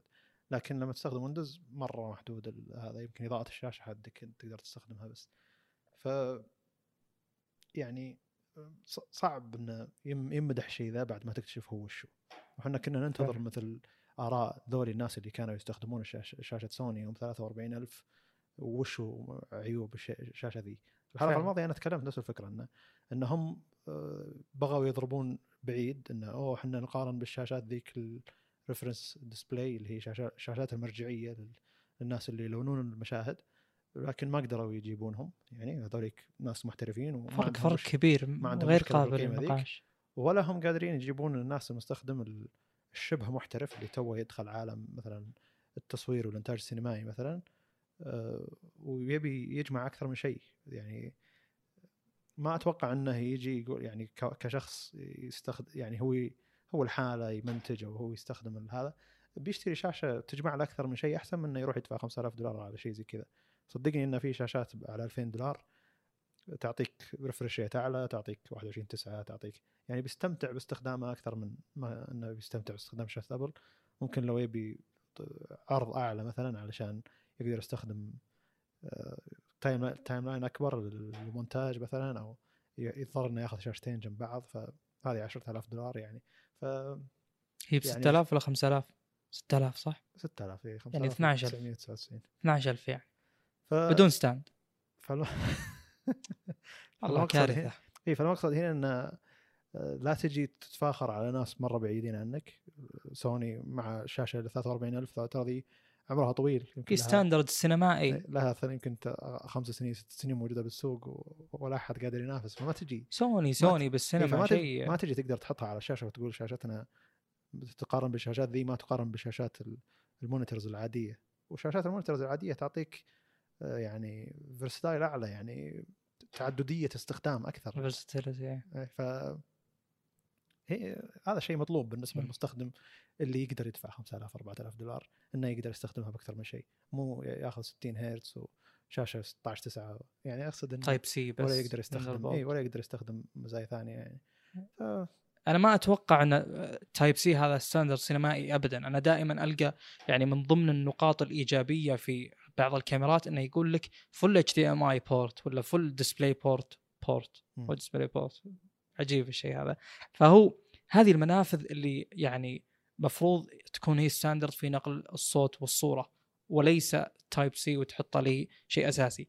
أي ميزة موجودة بال monitor هذا موجودة من قبل ال- إلا ال micro LED اللي خيب الأمل. فهو كان هو النقطة المميزة صارت نقطة غير مميزة. يعني مثلا من ضمن الأشخاص اللي يعني شرى ثنتين من هذه الشاشة مع stand ين طبعا ف 14000 يعني اللي هو ام كي بي اتش 3 قبل سنتين أو ثلاث سنين ب 2017 بشهر ماي كان مصور آه، بدل ultra Dell UltraSharp 8K كان سعرها ما أدري آه، قريب من 5000 دولار ما أدري كم كان بالضبط. الآن هي ب 3800 فال 8K موجود من أكثر من سنتين ترى.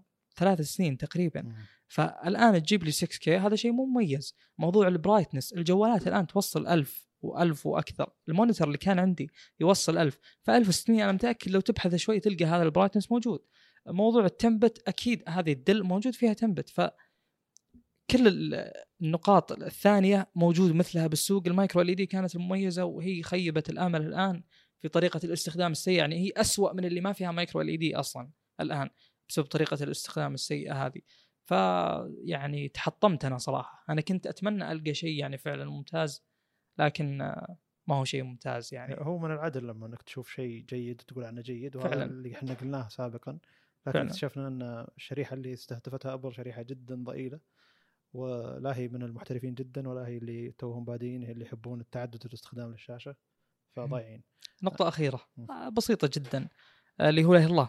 reference monitor غالبا تكون شاشة 16 9 غرضها إنك تعرض الصورة عليها فقط ما هي شاشة cut to. editing. وكذا يعني مثلا أنا شخص أبى أسوي editing بقصقص مقاطع وكذا أستخدم شاشة عريضة عشان ال timeline يكون جدا عريض ويكون واضح بدون ما أحتاج إني أ zoom مثلا أو إني إذا zoom ت يكون طالع كل شيء فهذا للشخص اللي يقول إنه يعني ال 21 9 و 32 9 super ultrawide وال ultrawide ما يعتبرون يعني شاشات احترافية وكذا عشان ما فيهم عشان هم هم 16 9 على ال standard حق reference monitors فبس فرق الاستخدام يعني يكون عندك super ultrawide وفوق مثلا عندك ال 16 9 ال reference monitor هذا هو.